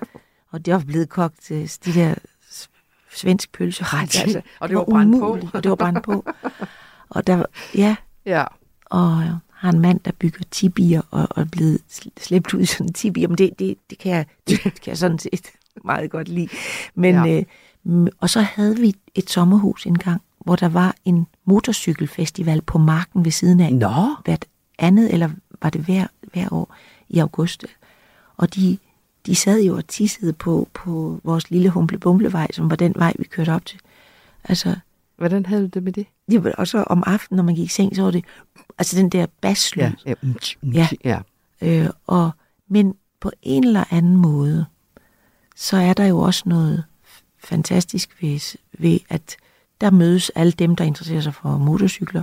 De havde en dum øh, ting, de skulle. Det var noget med at brænde øh, dæk af, eller hvad fanden det hed, altså, hvor de bare trykkede den af ikke, med de der. Og, og det var vanvittigt irriterende, men jeg drømte ikke én gang, for jeg vidste jo, det ville gå over om to dage. Ja, Ja. ja. Og, og det er jo lidt det, der også er med, med den der musik i lejet. Den Ja. er jo vanvittigt populær. Der er også rigtig mange, der er træt af det.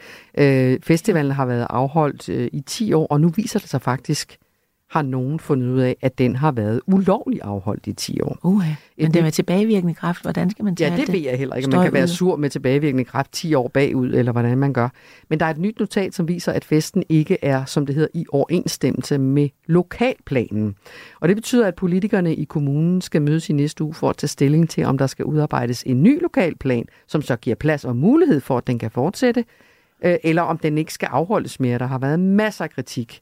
Øh, Det har været, den har været omtalt som helvedesugen og invasionen Uh. af folk, der tisser og brækker sig i hækker. Lidt som du beskriver det her. Ja. Øhm, men når vi taler om, om, øh, om lige præcis øh, musik i lejet, så er det jo fordi, at, øh, at det er meget, det er jo en, en deler mange steder rundt om i landet, det der med, skal de have lov at være der, de der er festivaler. Nu skal vi have besøg af en gæst, øh, det er Daniel Frigast. Velkommen til, Daniel. Tak skal du have. Byrådsmedlem for Konservativ i Gribskov Kommune. Du er en af dem, som øh, får lov at stemme om festivalens fremtid. Øh, og det, at den har været ulovlig hele vejen igennem, er det i virkeligheden verdens bedste undskyldning for at sige, nu lukker vi simpelthen den festival? Ja, det kan jo aldrig være en undskyldning at, at holde sig til loven. Øh, men, men jeg tror, det der det, ligger i det, det er jo, at øh, i hvert fald vores bekymring konservativ er, at det her det er jo et Natur 2000-område. Øh, og øh, der er jo blevet spurgt ind til de tilladelser i, i mange, mange år. Og øh, så viser det sig faktisk, at den ikke må ligge der. Øh, på grund af en lokalplan og på grund af en, en planlov, der siger, at man, man ikke må have den der. Så, så, så man kan sige, der er jo ikke nogen undskyldning. Nu skal der tages, beslutninger om, at man vil lave en eventplads i Natur 2000-området, eller man ikke vil. Præcis. Ja. Eller et andet sted for den sags skyld, ikke? Altså fordi, Jo, jo, jo. I står vel ved en skillevej. Du bor selv i Tisvilde, gør du ikke det? Jeg har boet i Tisvilde i 22 år. Hold da op.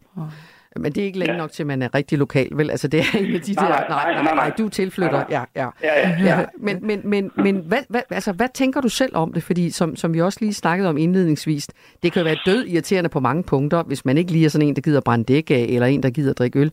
Men omvendt er der også rigtig, rigtig mange mennesker, som har det virkelig sjovt i de der dage. Så hvor står du i alt det her?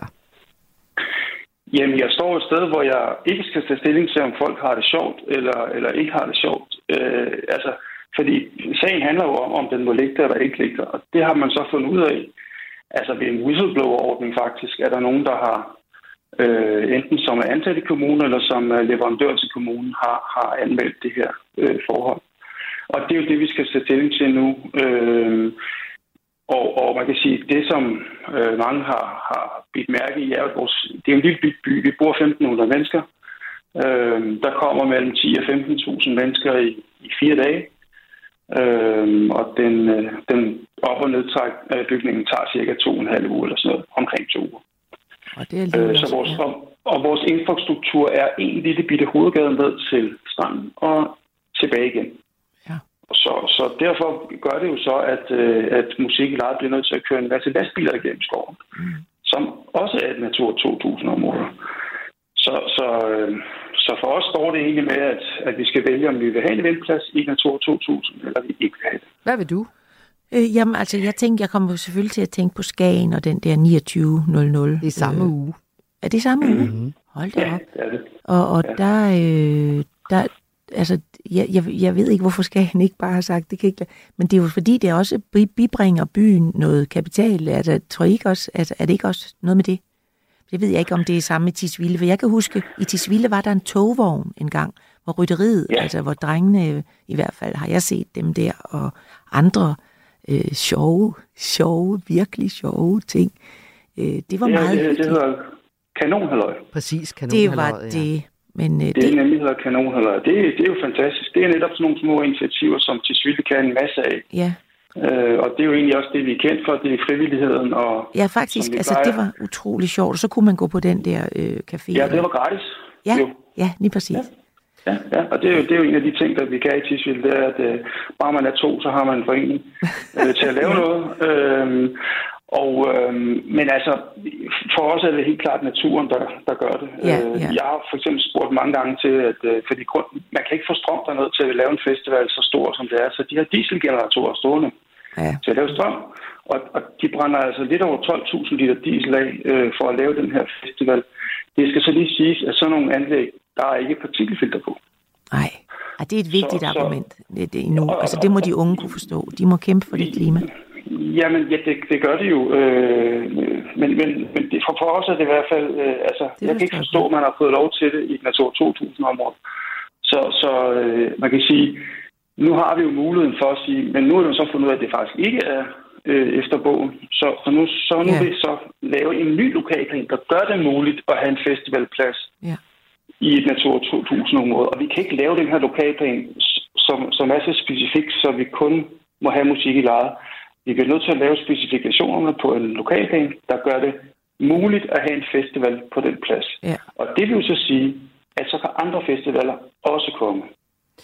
Nå, så du er bange for, at det danner præcedens, hvis I laver lokalplanen om, så der er Ja. plads til musik i lejet. Kunne man lægge musik i lejet et andet sted, altså i nærheden øh, af, af, af stranden? Det ligger jo nede på stranden, skal siges. Det er også derfor, det er så... Jeg har været på besøg. Det er jo helt fantastisk at få lov at feste nede på stranden. Men øh, samtidig så er der et hensyn til, som du siger, naturen. Kan man lægge det et andet sted i Tisvilde, som er længere væk fra det der naturområde? Øh, det, det har, altså, jo, der er jo mange bud på det. Øh, Hvad synes du? Altså, jamen, jeg, jeg kan jo godt forstå, at når man hedder musik i lejet, så kunne man jo godt tænke sig at lægge øh, om, omkring til Svitte. Øh, jeg, uden at vide noget som helst om det, så, så tænker jeg, at der må være en mark et eller andet sted. Altså, der er jo før lavet festivaler på en stor mark. Øh, i Roskilde blandt andet. Så, så, øh, og vi har jo, altså uden at vide det, uden at skulle hænges op på det, så kan man sige, at omkring Holløs, der, er- der er nogle markarealer. Jeg ved slet ikke, om det kan lade sig gøre. Der er faktisk en togstation, man kan stå af på. Lidt ligesom Roskilde øh, nu har lavet. Men vi kan godt finde mange Øh, marker og smide det ud på det. ja, Landet er, fu- er fuld af marker, men der skal jo også helst være noget andet. Men jeg, men jeg tænker alligevel, Daniel Frigas, med far for at være fordomsfuld, du er konservativ medlem af byrådet. Ja. Du kan også godt Ja. lide at tjene nogle penge. Det er jo rigtigt nok, som Bo Jørgensen siger, der bliver jo også nogle indtægter til kommunen i alt det her lokalområde. Altså kommunen tjener ikke nogen penge, men man kan sige, at de erhvervsdrivende i byen øh, tjener måske en skilling. Altså det, der er problemet for os, er jo, at, at man faktisk af to omgange har der været først 17 erhvervsdrivende, der har skrevet ind til kommunen, og senere et par år efter var det 19 erhvervsdrivende, altså som ligger i hovedgaden, som netop har påpeget, at det er blevet for massivt, det er blevet for stort, og Ja. øh, altså de sidste par år er det også, måske tre år, er det også blevet meget ungt publikum. Øh, og, øh, og, det handler så desværre kun om, om, om ikke så meget om at besøge selve byen, men måske mere at besøge festivalpladsen. Ja.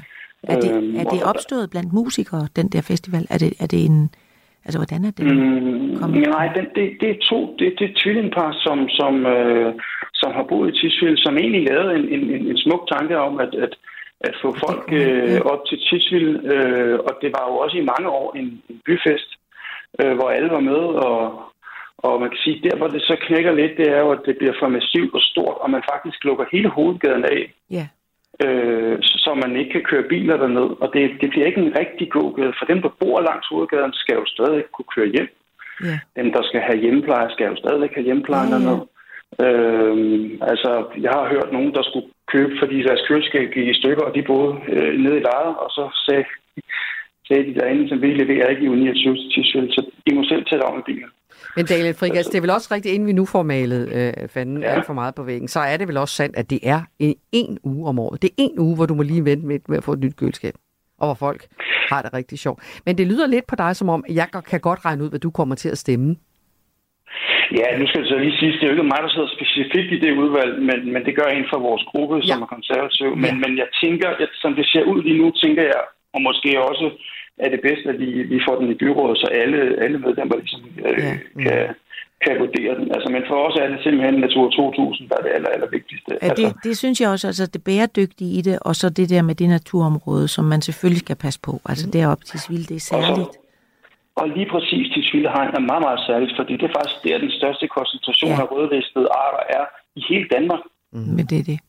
Daniel Frigast, I, ja. I har et uh, dilemma deroppe. Det lyder som om, at du godt ved, ja. som sagt, hvad du skal stemme til det dilemma, eller hvad jeres gruppe skal stemme til dilemmaet. Tak skal du have, fordi du kom med. Vi stemmer for naturen, det er nemlig Det kan jeg godt ja. høre. Ja, tak, tak skal du have. Tak for det. Hej hej. Tak. Hej. Daniel Frigast, som altså er byrådsmedlem for konservativ. Ja, der er rigtig mange, der kommer til at græde tørre tårer, hvis det lukker, Bodil. Men ja. der er godt nok også mange, der bliver ked af det. Ja, men det, det, det, det er jo mm-hmm. et fantastisk det at kunne vende tilbage. Men hvis det, hvis det har været der 10 år, har det været der 10 Ja. år, så er det jo en lille generation af, af også af entusiaster, og, mm. og der er jo som sagt mange steder, men hvis det er de krogede træer der ved Tisvilde, man også skal passe på, og, og altså, ja, hvad skal man sige, ja, jeg ved Ja, ikke det er et rigtig. dilemma. Nej, det er godt, det ikke er mig, der Og så stemme. alt den der ufiltrerede dieselluft, øh, luft, det er noget af det værste, altså. Mhm. Mm. Og flyvninger. Nu finder vi ud af, om, øh, om der bliver øh, musik i lejet til sommer. Det må vi, Ellers må man tage til Skagen. Ja. Og, eller være at flyve til Thailand. Ja. Tre gange om året. Det er Man må tage sin cykel og køre ud på en mark, må man. Så. Lytter til hovedet og halen. Man lytter nemlig til hovedet og halen, og vores øh, gæstevært i dag, det er dig, Bodil Jørgensen. Øh, vi har googlet dig, som sagt, og fundet nogle overskrifter, som jeg gerne vil høre, om du kan huske, øh, og om du kan fortælle os historien bag. For eksempel så, øh, så, skriver, så siger du til TV2 på et tidspunkt, øh, du sagde til TV2 på et tidspunkt, Bodil Jørgensen har hilst på døden tre gange. Det var ikke det, du sagde. Du sagde, måske man skal køres over af en traktor for at være taknemmelig for livet. Nå, sagde jeg Ja, det sagde du altså. Ja. Eller også har de strammet øh, Jo, jo. overskriften lidt. Men øh, det kan man jo... Øh, altså det der, når man får en chance til, så, så, så øh, bliver man jo utrolig taknemmelig, fordi der var så meget ved livet. Altså, livet kan have været hårdt, men jeg elsker livet. Ja, Altså, så det, at du fik lov at være her. ja, Du havde den der alvorlige ulykke ja. for nogle år tilbage. Det er jo ved at være 10 år siden. Er det det? Ja, vi var i 14. Hvordan kan det blive til tre gange, du har hilst på døden? Det var en øh, ulykke, vi havde på det kongelige teater, hvor der faldt en væg ned. Ja, på Søren Tætter Lassen. Ja. Det kan jeg godt huske. Og, og, jeg, ja, og Søren lå der, og jeg tænkte, han har ikke klaret det, men Nej. heldigvis kunne jeg høre han, Ja. hans stemme, Ja. og har spillet med ham siden. Og jeg nåede lige ud, altså den, den ballerede lige ned, så den tog min kjole. Øh, så, altså, og så den første gang, det var togulykken i 88, der i Sorø. Ja. ja. Jeg kom fra Odense til København. Sad du i det tog? Ja, der sad jeg med en pige og en ung mand og en gammel mand inde i en, de der gamle kupé-tog. Ja, ja. Og øh, så væltede det ud efter Sorø, så vælter det øh, øh, ud. Og det, det på en eller anden måde, jeg kørte jo meget stærkt, og pludselig øh, afspores det også. Ja. Hvad skete Falder. der med jeres vogn? Ja, den faldt den ud i, i nogle smukke anemoner. Det var den 25. april. Øh, og dem, der var i vognen, vogn 13, de, de blev, det var der, de blev slået ihjel. Ja. Ni, ni mennesker, ja. Og Så- hvor, hvor sad du? Hvad Jeg sad i anemone vognen og ud, og så kom rejste den anden togstamme så op og ballerede ned over vores, så vi, vi lå jo helt øh, skævt rundt.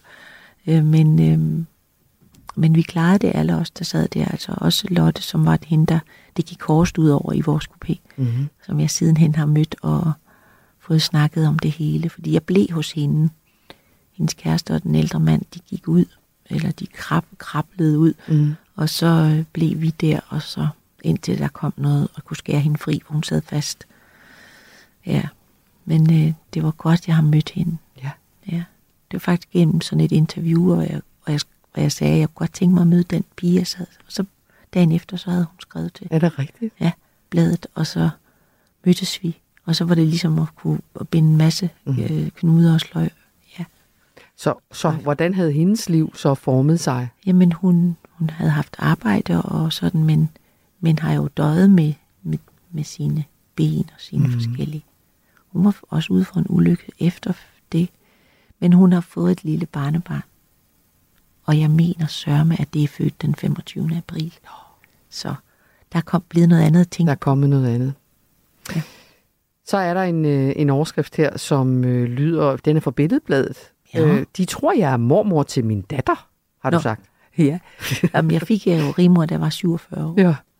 Og øh, jamen, så har jeg sådan, du ved, så hører man jo lidt af hvert, og de små, der er afleveret rimor i skolen, så, altså, er du rimors mormor? Nej, sagde jeg så det. Hvorfor har du så sådan nogle streger i hovedet? Ah, vi med streger i hovedet. Vi med streger. Ja. Ja. Har det været et problem for Rimor, tænker du? Har hun synes, at, øh, at det Jeg har været pinligt eller et eller andet? Nej, jeg tror Nej. Faktisk ikke. Nej. Altså, fordi jeg er jo hendes mor. Ja, Og, øhm, du er hendes bedste mor. Faktisk. Mm. Og så siger jeg altid, bedstemor, bedstemor. Så. Ja. Hvor gammel er Rimor nu? Hun er 15, Ja. og snart 16. Ja. Øh, ja, og 81. Og, meget en, og højere end mig. sin mor. Ja. ja. Meget højere. Ja. Og hvor var det godt, jeg fik hende. Ja. Nu op. ja. Hvor mange børn er det, du har? Tre Tre børn. store drenge, Mhm. mm. og så rimor, ja. Ja. Så øh, hun er populær i familien. Ja, det kunne jeg forestille mig. Ja. Øh, skal vi tage en sidste øh, overskrift her, Bodil? Du som ved også... godt, når du googler mig, så googler Google også os. Øh, jeg gider ikke at vide det. Det er surveillance capitalism, hedder det vist. Okay. Altså, hvor de så... Det, det, jeg har nemlig lagt mærke til, altså hvis man søger på et tæppe, man godt kunne tænke sig, Ja. Så skal jeg hver gang, jeg søger på noget, skal jeg forholde mig til 8-9 tæpper. Ja, du skal. Og meget gerne det samme tæppe, har jeg også tænkt over. Hvis jeg nu har købt det, hvorfor skulle jeg så købe det en gang Ja. til? Men det vil sige, nu dukker du op i mit feed hele tiden, Bodil Det Jørgensen. tænker Hellere det end et tæppe, jeg har købt, vil jeg så omvendt sige. Ah.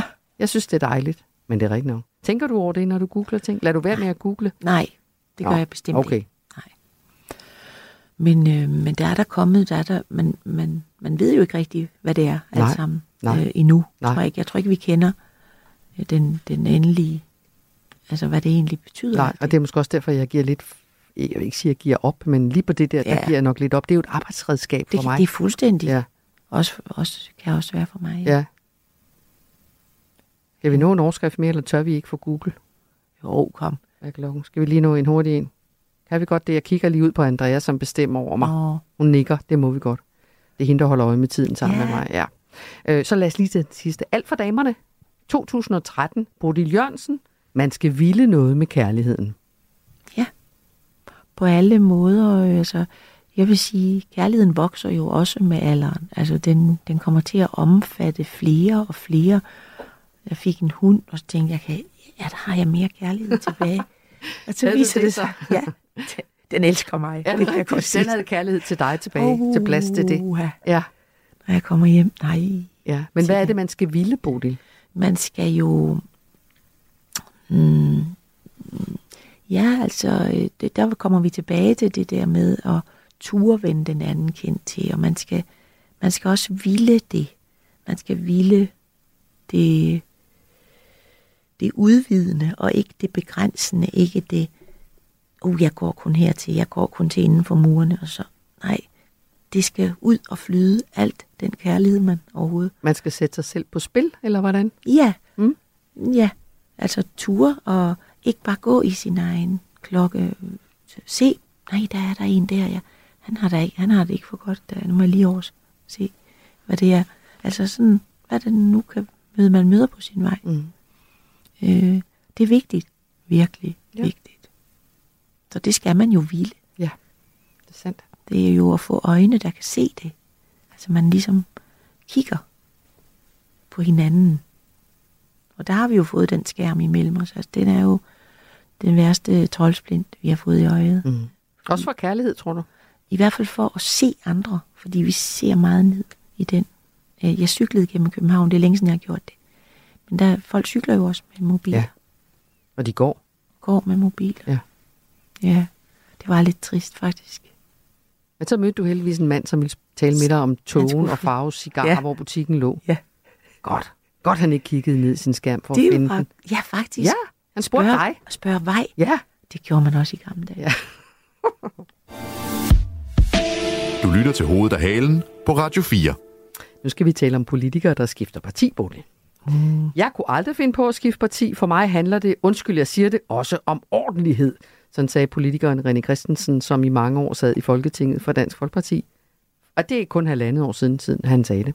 Ja. Og så i går, så gjorde han lige præcis det. Han skiftede parti fra Dansk Folkeparti til Moderaterne. Og han er jo langt fra den eneste prominente partihopper, vi har set i år. For en måned siden skiftede Pernille Vermund Nyborgerlig ud med Liberal Alliance. Mette Thiesen er gået fra Nyborgerlig til Dansk Folkeparti. Lars Lykke er jo også gået fra Venstre til Moderaterne. Inger Støjberg fra Venstre til Danmarksdemokraterne. Pernille rosenkrantz teil en gang, ja, det er jo nogle år siden, fra Enhedslisten til Socialdemokraterne. Simon Emil Amitsbøl fra så videre, så videre, så videre. Ikke også? Der er rigtig mange af dem. Ja. Hvad mener du om partihopper, Bodil Jørgensen? Øhm, ja, altså, hvad hedder sådan et, et eller andet form for moralsk kompas, som Mhm. mm-hmm. må begynde at dreje rundt, altså, og, og folk ved ikke, øh, hvor de skal lede og søge. Og, og når jeg så finder ud af, at de vil bare have stemmer, ah, så bliver jeg også ret trist til mode. Ja, Altså, det er ikke noget positivt for dig, at de skifter fra et parti til det andet. Nej, det er det faktisk ikke. Nej. For jeg kan også huske, altså jeg er jo vokset op med Horisont med Lasse Butz og øh, de gamle Hækkerup og Anker og, og, og Krav og de der, som altså, hver gang de blev spurgt, så havde de en, de havde en idé med det samfund, de var i.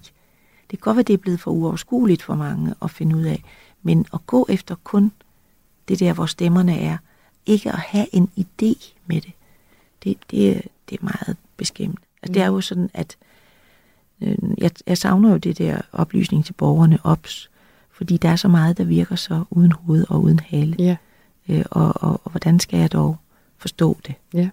Nu har vi heldigvis en gæst med os, øh, Hans Engel. Velkommen til. Tak for det. Politisk kommentator. Du kan forklare, Hans. du, ved dig forventer vi af, at du kan forklare. Altså i sidste valgperiode, bare fra 19 til 22, var det 22 folketingspolitikere, som forlod det parti, de var valgt ind for, og det er rekord mange, Hans Engel. Så kan man stadigvæk tale om, at politikerne hører til i et parti, eller er det ligesom gammeldags? Ej, der er sket, øh, der er sket utrolig meget. Det var også det, øh, Bodil var lidt inde på. Altså, øh, nu kan man sige, det store antal, øh, som, som øh, forlod parti, det var jo ikke mindst i forbindelse med det mere eller mindre kollaps, der var i Dansk Folkeparti, og også ja. det meget store opgør, der var hos Venstre. Så altså, hvis man sådan ser på listen af navne og partitilhørsforhold, så var det jo især de to øh, partier, og på det seneste, så er det jo så også nye borgerlige, som, som, er, øh, som er knækket sammen. Men jeg tror, hvis man sådan skal grave lidt dybere i, hvorfor øh, hvorfor øh, er det sådan i dag, og hvorfor var det ikke sådan tidligere, så tror jeg, at der er flere forklaringer. En af de vigtigste er nok, at øh, går man tilbage i, i, i årene, og det gør både øh, Bodil og jeg jo selv jo af, Ja. af mange gode grunde. Altså, du kan godt tage mig med, Hans. Vi er lige gamle. Ja, men jeg kan også, jeg, jo, jo, men altså, man, man, skal ikke, man skal ikke genere studieverdenen. Det må man gerne. Men hvis, hvis vi går tilbage i årene, så vil der jo være mange af os, som voksede op i familier, hvor en stor del af familiens medlemmer, det kan være forældre og bedsteforældre osv., de, de tilhørte et parti. De var medlemmer af Socialdemokratiet, ja. eller Konservative, eller Venstre, eller Radikale, eller Kommunister, eller Retsforbundet, eller et eller andet. Ja. Og, og det der med, at man ligesom havde et partitilhørsforhold, det gik sådan nærmest lidt i arv, øh, og, og, og, og rigtig mange var medlemmer af de politiske partier i Danmark. Altså det var jo, det var jo, det er jo adskillige hundredtusinder, som, øh, nu er det klart, der er mange, der er døde og væk og altid i mellemtiden, men, men de politiske partier var jo engang meget store folkelige bevægelser. I dag er det, og hold så lige fast, i dag er det under 2 procent af danskerne, som er medlemmer af et politisk parti. Og det vil jo sige, man har jo slet ikke det tilknytningsforhold mellem partierne og vælgerne, som man havde i gamle dage. Man har kort sagt ikke ret mange kernevælgere. Og derfor så ved vi også, at når der har været folketingsvalg her de, de seneste år, og man så laver meningsmålinger, så er det jo sådan noget med 25-30 procent af vælgerne, som allerede kort tid efter valget vil stemme på noget andet, end det de stemte på. Mm. Øh, så, så, så altså det der med, at man ikke har den faste tilknytning, og at partierne er blevet nogle øh, organisatorisk set dværge, det betyder rigtig meget. Og også for politikerne. Men Hans, må jeg spørge dig, med René Christensen ja. for eksempel, ikke, så siger han jo selv, at det er tonen i Dansk Folkeparti, som gør, at han ja. vælger Moderaterne. Nu er jeg snot forvirret, ikke? fordi i Dansk Folkeparti har de ikke bestilt andet end at sige, at vi må ikke tale om tonen. I de sidste 15 år har de sagt, hvad er det for noget snak om tonen? Det er noget pjat, siger Pia Gersgaard. Og nu er en af de af frontfigurerne i Dansk Folkeparti så forladt partiet mm. på grund af tonen, øh, og ja. hopper over til Moderaterne, som jo er, står et helt andet sted værdipolitisk med for eksempel udlændingedebatten. Ikke? Så hvordan kan jo. du forklare det skifte der? Jo, altså når du ser på, øh, når du ser på øh, partiskifter, dem der hopper af, så er der som regel altid øh, en af to grunde, øh, og det er enten på grund af personlige modsætninger, så er det simpelthen fordi, de kommer op og skændes og slås og er uenige internt ja. i et parti, og så er nogen, der skrider eller bliver smidt ud. Og den anden begrundelse, det er den politiske, det er, at øh, der er altså nogen, der siger, her kan jeg ikke længere følge mit øh, parti. Jeg kan ikke længere være med. Altså der, hvor jeg må sige, hvor jeg kan have svært ved at forstå det, det er, hvis man for eksempel er med i et parti, som er hardcore øh, imod øh, EU, kritisk over for EU, så, så synes jeg, øh, så kræver det jo meget at springe over et andet parti, som er bravende EU-tilhængere. Altså, der er jo ligesom nogle fundamentale ting, hvor man må sige, altså, det er godt nok nogle, nogle meget, meget, meget store øh, øh skridt øh, at, at tage. Og det er det, og der, der er tale om her jo, ikke også? Ja, der ja. vil det jo ofte, altså hvorfor forlader Niels Christensen Dansk Folkeparti? Det er jo muligvis fordi, at han kom jo ikke i Folketinget sidst. Han blev jo ikke borgmester ja. i Guldborg Sund, som han havde regnet med. Der havde lå sådan en aftale mellem, mellem Mette Frederiksen og Thulesen Dahl om, at hvis tallene i øvrigt pegede den retning, så ville S være klar til at støtte ham som borgmester i Guldborg Sund. Men sådan gik det ikke, fordi man lokalt ikke ville det. Og, og så faldt det til jorden. Så det har nok været en skuffelse for ham. Og så også, det han ikke kommer i Folketinget, og det hele, det sådan er... Altså, og, og han begynder at blive lidt træt af Messerschmidt, og, og derfor tror jeg, at der er også et element af noget personligt i det. Og så ser han selvfølgelig at, at nu er alle de andre DF'er, altså alle dem, der skred i, i, ja. i en stor bunke, de gik jo alle sammen over til Inger Støjberg. Så han har selvfølgelig sagt, jeg har ikke lyst til at gå over i et parti, hvor jeg nu skal sidde sammen med alle dem, jeg lige har været med til at smide ud eller presse ud af Dansk Folkeparti. Heller ikke, selvom han er mere enig med nej, dem, tænker du? Nej. Præcis. Altså derfor vil han i virkeligheden hellere, så siger han, der er Løkke, det er sådan et parti, der ligger en hel del mere ind mod midten, og mm. det er et parti, som klarer sig meget godt i meningsmålingerne, og, ja. det, og så skal du huske på én ting, at øh, René Christensen har jo været meget øh, kommunalpolitisk orienteret, og derfor kunne jeg godt se ham som en, der skulle bære meget af skal vi sige, af moderaternes kommunalpolitiske indsats, når vi kommer til kommunalvalget næste år. Altså, Nå, lykke ja. vi jo gerne Lykke vil jo gerne, øh, nu, nu er det jo et folketingsparti, men han vil jo også gerne have, at det skal være et øh, mm. pænt stort parti ude i kommunerne og regionerne. Og der passer René Christensen jo som hånd i handske.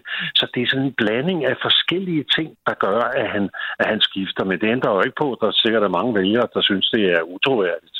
Ja, der er i hvert fald, altså øh, selvfølgelig, Lars Lykke er jo, han, er jo, han har jo noget borgmester over sig. Han var jo borgmester i Græsted, og nu er han mm, borgmester i Moderaterne, men altså han har det der kommunale, øh, øh, som jo på en måde også er der, hvor folk skal hente deres stem, stemmer, ikke? Øh, jeg kan huske, vi, vi er jo ude af sådan, jeg er ude af sådan en bondefamilie, og de var jo venstrefolk, og dengang var der 200.000 landbrug, eller 300.000 i Danmark. Nu er der vist 8.000 tilbage. Ja, præcis. Altså, det er, jo, det er jo netop, som du siger, det er jo en af den ja. der udvikling. Men, men det, jeg forstår det bare alligevel ikke, Hans, fordi, fordi hvis, selv hvis han skal tage sig af det kommunale, det giver vi til dig, ja. René Christensen, ja. du ved, har forstand på det, så vil de mennesker, der stemte på ham, dengang han talte meget, den tone, han ikke bryder sig om nu, som han selv var en del af vel i Dansk Folkeparti om, øh, om øh, indvandrere og flygtninge, de vil da ikke begynde at stemme på ham, hvis han ikke siger det samme. Altså, jeg forstår simpelthen ikke.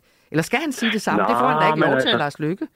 Han Nej, mener men ikke nu skal huske på, skal på, altså, det kan godt være, at politikerne er troløse, men det er det, som jeg var inde på, det er vælgerne jo sådan set også. ja. Mm. Der er jo mange øh, vælgere, der bruger deres stemmeseddel, som om det var en tilkupon, ikke? Og, og, øh, og vi har jo, altså hvis man kigger sådan erfaringsmæssigt på det, så er der jo nogle politikere, der ved at lave et partiskifte, at det har kostet dem rigtig dyrt.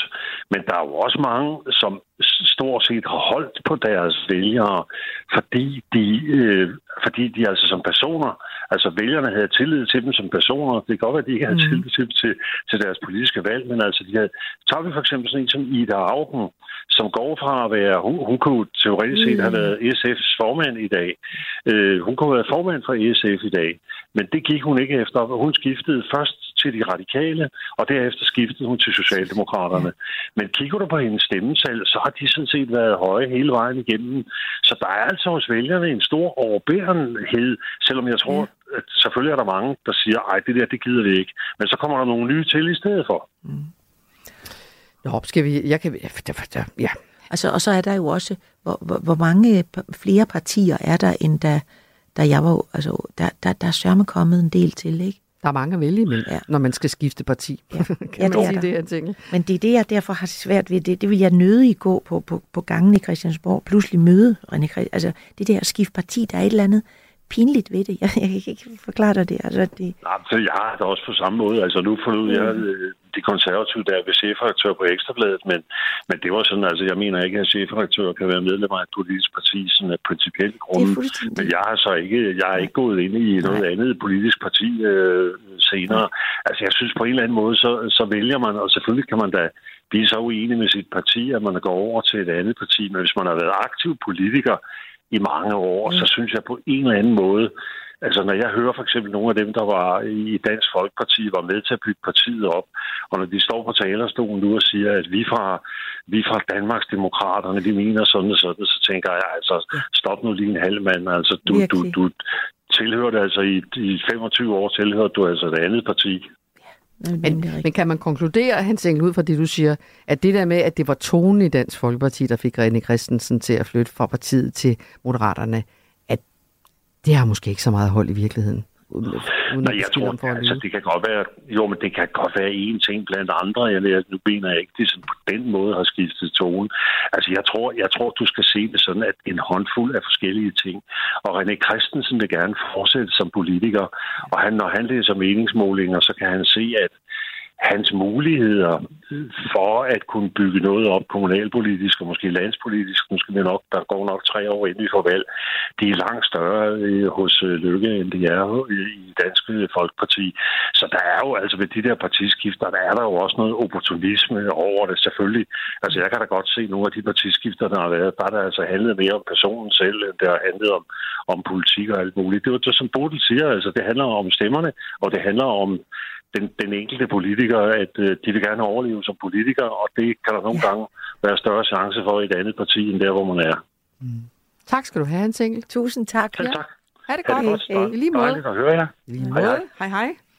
Nå, så det var sådan set rigtigt nok, hvad du sagde, Bodil. Ja. Beskæmmende nok, Eller, men men... ja, altså det, det, det er det i handler hvert om fald... stemmerne. Ja. ja. Øh, og det er der, øh, altså det er også derfor, det kan være svært at finde hoved og hale i, i politikken. Ja. Så følg din næse, og så er du ikke helt galt afmarcheret. Nej. Mm. Du lytter til hovedet og halen. Skilsmisse, livskrise og en familie, der pludselig skal være to. Jeg har jo faktisk levet et liv med en person, jeg overhovedet ikke ved, hvem er. Lyt med, når Marie Slå McFordrup taler med en kendt dansker om det, der sker, når man bliver skilt. Tit og ofte kunne jeg jo lugt på sikkerhedsscenen. Han har kørt rundt med sekretæren, hendes parfume stang sig, og det var nærmest som om, han havde et forhold nummer to til hende. Lyt til Skilsmissen i Radio 4's app, Du får jo ikke bare lige tæmmet en playboy. eller der, hvor du lytter til podcast. Nu skal det handle om sædbanker. Ja. Uh. ja. Vi kommer meget vidt omkring. Jamen, det var øh, da, ja, men, ja. men øh, det handler om penge. Og Det handler om, det kan du godt sige, det handler ja. om. Ja, det gør det faktisk, ja. Lad os lige høre en, en lille bid af et interview, som øh, har været sendt i Radio 4 morgen. Jeg hedder Henrik. Jeg er sæddonor. Og det er fordi man hører om så mange, der ikke kan få børn selv. Jeg føler mig privilegeret over, at øh, jeg er sund og rask nok til at hjælpe andre. Det er stort for mig, og jeg ved, at det er stort for dem, jeg hjælper. Og hvis man nu tænker, de plejer da ikke at have musikunderlægning på Radio 4 morgen, så er det fuldstændig rigtigt, det er mig, der brøvler. Det her er fra en reklame. Ja. Øh, en reklame, øh, som Henrik, som vi hørte her, øh, øh, skal øh, interessere sæddonorer. Han er sæddonor. Og øh, ifølge sædbanken, en, der er jo mange forskellige, den der hedder Kryos, så anslås det, at der er født mellem mere end 20.000 børn i Danmark med donorsæd. Og Henrik, som vi hørte her, kan på den måde jo hjælpe rigtig mange barnløse, gøre dem en tjeneste ikke, ved at donere sæd. Han kan også tjene rigtig mange penge ved det. Op til 6.000 kroner om måneden. Øh, og de kan i mange tilfælde, øh, de her sæddonorer, stikke pengene ned i lommen, uden at betale skat af dem, fordi sædbanker som for eksempel Born Donor Bank og Kryos her International betaler donorerne kontant. Og de indberetter det. Ikke betalingerne til skat. Det er lidt ligesom tænkte på, når man, hvis man har en sort vinduespusser, eller en sort mekaniker, ja. eller sådan noget, så tænker man, at det er nok han eller hun indberetter nok til skat, så det er nok ikke mig, der gør noget lovligt, ikke? Kender du ikke det? det, det men det skal man ikke, man skal Nej, få det vidt. Ja, ja, det Nå, men en af dem, som jævnligt donerer sæd øh, hos Born Donor Bank, det er en anden, det er ikke Henrik. Det er Emil på 25 år. Han hedder i virkeligheden noget andet, men han vil gerne være anonym i den her sammenhæng. Og for halvandet år siden, der faldt han over muligheden for at blive sæddonor. Og faktisk var det, fordi han havde set den der reklame. Så, øh, jeg tror ikke, om det lige var den samme, men en, en, en, en som den, fortæller han. Jamen, det var sådan set lidt, fordi jeg ledte efter et, et studiejob, som øh, ikke øh, tog for meget tid. Øh, hvad noget, det hedder, ud af mit skolearbejde. Fordi jeg følte, at øh, vi havde rigeligt at se til der. Og, øh, og så fik jeg den reklame på Spotify, og jeg tænkte, ja, det var, det var en oplagt mulighed. Ja, det tager ikke så meget tid at være nej. sæddonor, må man sige. Nej, og også tankevækkende, at, øh, at øh, når man skal fortælle for, hvem er din far, det var, han er min far, fordi han så en reklame på Spotify. Det er en mærkelig verden, vi lever i nogle gange. Men dem, som ikke selv kan få børn, de er rigtig glade for det. Og Emil, han får så penge hver gang, han, øh, øh, han får afleveret en godkendt donation, som det hedder på den ja. slags øh, lingo. Øh, vi kan lige høre ham forklare, hvor meget han egentlig tjener om måneden på det her. Øh, jamen, det er lidt svært at sige, fordi det kommer an på, hvor aktiv man er der noget. Og, øh, og der, var, der var på et tidspunkt, hvor det var, at, øh, at jeg var ret aktiv dernede, og mit, øh, det ved jeg ikke, den største udbetaling, jeg har fået der, det har været 8.700. Men det er så også over en, en tre måneders periode. Ja, Emil han vurderer, at han har tjent i omegnen af 28.000 kroner som donor, og det er jo altså pillehammerne sort øh, på den måde, Bodil. Nu skal vi sige god eftermiddag øh, til min kollega Theodor Langstrand. Hej Theo. God eftermiddag. Det er dig, der har interviewet Emil, som vi jo kalder ham her, hvis ja. rigtige navn vi godt kender. Øh, for du har siddet og research på det her, Theodor. Hvor mange donorer er der som, som Emil her? Ja, det er lidt svært at sige, uh, sige helt præcis, men vi har jo, øh, som du sagde her, vi har jo Borgen uh, Donorbank, som, uh, som kun udbetaler kontant til deres donorer. Og så har vi også Kryos International, som også uh, oplyser, at de uh, betaler deres donorer kontant men at de er ved at, ved at udfase det her system og skal over til, til bank, bank, øh, bankbeløb. Øh, Borgen Donorbank, det vil ikke fortælle, hvor mange donorer de har. Vi ved, de har, øh, de har hvad hedder de, filialer i Aalborg og Aarhus og, øh, og København og Odense. Øh, og Kryos, de har op til, øh, op til 460 aktive donorer, oplyser det nu her. Så det er jo, øh, det er jo en god slat donorer, og, øh, og jeg havde i hvert fald ret let ved at finde frem til nogle, nogle donorer, som, som får deres penge kontant, og som hverken har betalt øh, en eller to kroner i, i skat af de her penge. Og hvordan kan det kun være, at de betaler det kontant? Der er ikke ret meget, der bliver betalt kontant. Øh, I hvert fald ikke noget, der ikke er lyssky øh, affære. Kan man ikke sige det sådan? Jamen, det som Born Donorbank, de fortæller mig øh, i et skriftligt svar, også, også, også har fortalt mig på telefon tidligere, det er, at de har spurgt, de har spurgt deres donorer, hvordan de helst ønsker at modtage deres penge, øh, og det har, de har så svaret tilbage, at de helst ønsker at modtage dem kontant. Så det er ud fra det, er ud fra det, det, det hensyn, at de udbetaler pengene kontant, oplyser de i hvert fald, i hvert fald til os. Og hvorfor er det så, at donorbankerne, bank, bankerne, bankerne ikke synes, at de skal øh, registrere det og fortælle skat om det? Nej, men det er de egentlig, det er de egentlig ikke forpligtet til at, øh, at skulle indberette det her, eller ja, give oplysningerne videre til skat. Det kan skat selv søge, søge indsigt i. Men altså, man kan sige, det som Kryos fortæller os, ja, det er, at de, øh, de, de ønsker at tage et hensyn til donorerne, som jo er anonyme. Så de er, de er registreret ved et alias. Så derfor fortæller mm. Borgen Donorbank også, at de, de helst ikke ønsker at viderebringe de her oplysninger. Men altså, vi har jo uh, European Sperm Bank, som også har omkring de her 500... Uh, aktive donorer, som fortæller os, at de i øh, 2022 er gået over til kun at tilbyde øh, nye donorer at være med, hvis det foregår via, via bank. Så, øh, ja. så det, må være, det må være muligt at, øh, at, at overføre det her, det her til bank. Okay. Men så... de, de kvind, altså, der er nogen, der køber den sæd. Mm. Og, og øh, hvordan øh, køber de også kontant? Altså, 1000 kronesedlerne er udfaset. Ej, ej, det går stærkt ud fra, at det, det ikke, er, ikke er kontantbetaling. Men, men det er vel rigtigt, det er, men kan man ikke godt sige, at det på en måde, Theodor, at det handler lidt om, at når man benytter sig af alias, altså at noget af det tabu, der er omkring det, øh, gør også, at man måske arbejder på en lidt anden måde, end man ellers gør med sådan nogle ting? Mm. Altså man kan i hvert fald sige, nu har jeg jo snakket med, med, med en skatteekspert, der hedder Torben Bakke, og han siger, at når man har et system her, hvor man, øh, hvor man udbetaler øh, hvor man udbetaler penge kontant, det er jo ned til 18-årige, 18-årige mænd, Øh, og de her mænd, som jeg har snakket med, nu har jeg snakket med nogle stykker, øh, de fortæller jo, at de har en oplevelse af, eller i hvert fald en opfattelse af, at, at de er anonyme i systemet, og derfor også anonyme over for skat. Det vil sige, de, de forstår det sådan, at skat ikke har adgang til deres øh, oplysninger. Så på den måde, så, øh, så, så som Tom Bakke også siger, så er det jo relativt, ja. ja. det er jo et relativt sårbart, øh, sårbart system, hvis ja, du er 18 år og modtager ja. penge, og selv skal gøre det, men ja men har den opfattelse, at skat ikke kan finde ud af, at du har fået de her penge kontant. Lad os lige høre lidt af dit interview med skatteekspert Torben Bakke her. Jamen, den er jo relativt betydelig. Det er jo også derfor, at man generelt for myndighederne har fuld fokus på at forsøge at afskaffe kontantbetaling. Dels i forhold til beløbsgrænser, man må betale kontant, dels i forhold til, hvis der sker kontantbetaling, så kan man miste det fradragsret, man ellers vil have skattemæssigt det er jo alt sammen baseret på, at der foreligger undersøgelser, der viser, at der er evidens for at antage, at ved kontantbetalinger, jamen der er sandsynligheden for, at de pågældende beløb bliver beskattet væsentligt mindre, end hvis det bliver øh, hvad det hedder, bankoverført med videre. Ellers, ellers får de bare en rykker. Det er der en af... Det, nå, okay, der kan man bare se. Jeg var boneret til at læse den sms op, hvor en lytter har skrevet nøjagtigt det samme. Er det rigtigt? Siger, ja. ja, men det, det, det, det, det, det fløj selvfølgelig ind. Ja, ja. ja. Og der er faktisk også en, der skriver, at det er ikke rent fortjeneste. Der er jo også rejsetid for nogen. Er der en, der skriver, hvis man ikke møder op i sædbank, hvor man en rykker, og ja, ja, jeg vil slet ikke være med i nej, men, interview, men, jeg Men, ja, nej, men nej. Altså, jeg tænkte også, øh, det, det er selvfølgelig øh, et... Altså, i denne, for, for, vi lever jo i en, vi skulle jo leve i en utrolig fri tid. Mm-hmm. Det, det, det bilder vi der hende, også, også ja. os selv og hinanden ind. Øh, en woke-tid og en alt mulig tid. Ja. Og så er der alligevel øh, så meget, øh, det er meget mærkeligt. Ja, det er Men, lidt, lidt, lidt sådan en, en, ikke gedult, for der er jo ikke noget i og for sig Nej, det er det, jeg mener. forkert, det eller på forkert. nogen som helst måde. Men, men Theodor, hvor store pengebeløb er der tale om her? Ja, altså, øhm, jeg har snakket med en tidligere donor, han stoppede for to og et halvt år siden, og endnu ikke hørt noget fra skat, har ikke betalt øh, en eneste krone. Og han, øh, han øh, fortæller rundt regnet, har han tjent de her, eller fået udbetalt kontant 50.000 kroner sammenlagt. Og så har der været nogle ekstra gebyr, eller været ekstra, ekstra penge oveni.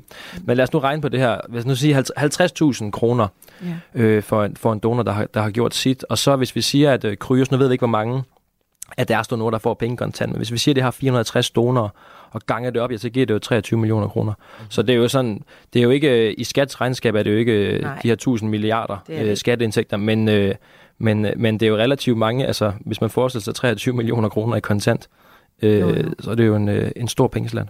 Lad os, lige, du, lad os høre lidt mere af dit interview med Emil her, som vi kalder ham, øh, som du talte med, også omkring det der med at indberette de her penge som B-skat, som han, eller B-indkomst, som han egentlig burde gøre.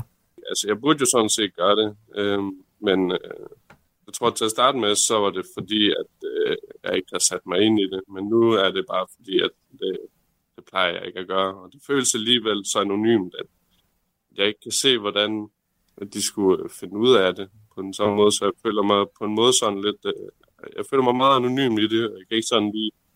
Det føles lidt som om, det ikke har konsekvenser. Theodor, det er jo det der med, at, at han, er, han føler sig anonym, og derfor, jeg synes skat også, han er anonym, eller, eller er der nogen, der risikerer at komme efter ham på et eller andet tidspunkt? Nej, altså de, skat har øh, ifølge den ekspert, jeg har snakket med, helt klart ret til at gå ind og bede om oplysninger på, på hvem, hvem, hvem, hvem de her donorer er, og hvor mange penge det også drejer sig om. Og, og borgeren oplyser også, at de selvfølgelig har, øh, har papirerne i orden og kan, og kan fremvise, hvem, hvem der har fået hvilke penge. Så, mm-hmm. så, mhm. den, øh, så den ret har skat. Tak skal du have, Theodor Langstrand, fordi du ville fortælle os om det her journalist her på Radio 4. Selv tak. Øh, det er jo rigtigt, hvad du siger. Det er jo en del, altså det er jo en verden, man ikke kender, medmindre man er en del af den. Men ja. at det ligefrem er så skjult en verden, som man kan slippe afsted med ikke at betale skat, det er alligevel også underligt, synes jeg. Ja, ja altså, det, det er bare, der kommer nogle dejlige børn ud af det. og en øh, ny, øh, ja, som er gode og fine. Ja, så er du egentlig ret ligeglad med, om vi betaler skat Ja, eller hvad? Nej, det er jeg nu ikke. Det er jeg ikke, fordi Nå. de børn skal jo også gå i børnehave, og Ja. det, det er jo skattepenge og skole. Og, Men er det et udtryk for, at det er tabubelagt, tror du, det der med, det, at... øh, det, det, det synes jeg næsten er den eneste forklaring, Ja. fordi det er jo et, et job. Ja, altså, det sandt. Nå, men uh, Bolig, nu er klokken, øh, nu er den snart 16, så nu når vi ikke mere. Uh. Bolig Jørgensen, gæstevært i dag. Det har været dejligt at have dig på besøg. måde. Oh, jeg skal lige skrue ned på den her. Uh, jeg skal lige sige, at dagens program er lavet af Simon Risum, August Stenbrun, Oliver Bernsen, Theodor, som vi lige hørte, Langstrand, August Messerschmidt og Andrea Bøtker. Og du skal også hjem, fordi du skal jo hjem og gøre dig klar til aftens forestilling. Ja. En af de aller sidste inden for murene på det kongelige teater. Det, det er nemlig det. Ja. ja, det skal vi nyde, fordi Ja. det er jo en, et vildt sted at stå. Det. Ja, og det er også vildt at sidde dernede. Jeg har jo haft fornøjelsen af at se dig til premieren. Jeg er meget glad for at nåde at se den. Tusind tak, fordi du kom, Bo Jørgensen. Det var en fornøjelse at have besøg af dig. Lige På mandag kommer der en ny gæstevært øh, i hovedet og halen øh, kl. 16. Det er tv-vært Bubber, som øh, skal, skal, skal stille gode spørgsmål. Forhåbentlig lige så gode som dem, du har stillet. Tak skal du have. Du har lyttet til en podcast fra Radio 4. Find flere episoder i vores app, eller der, hvor du lytter til podcast.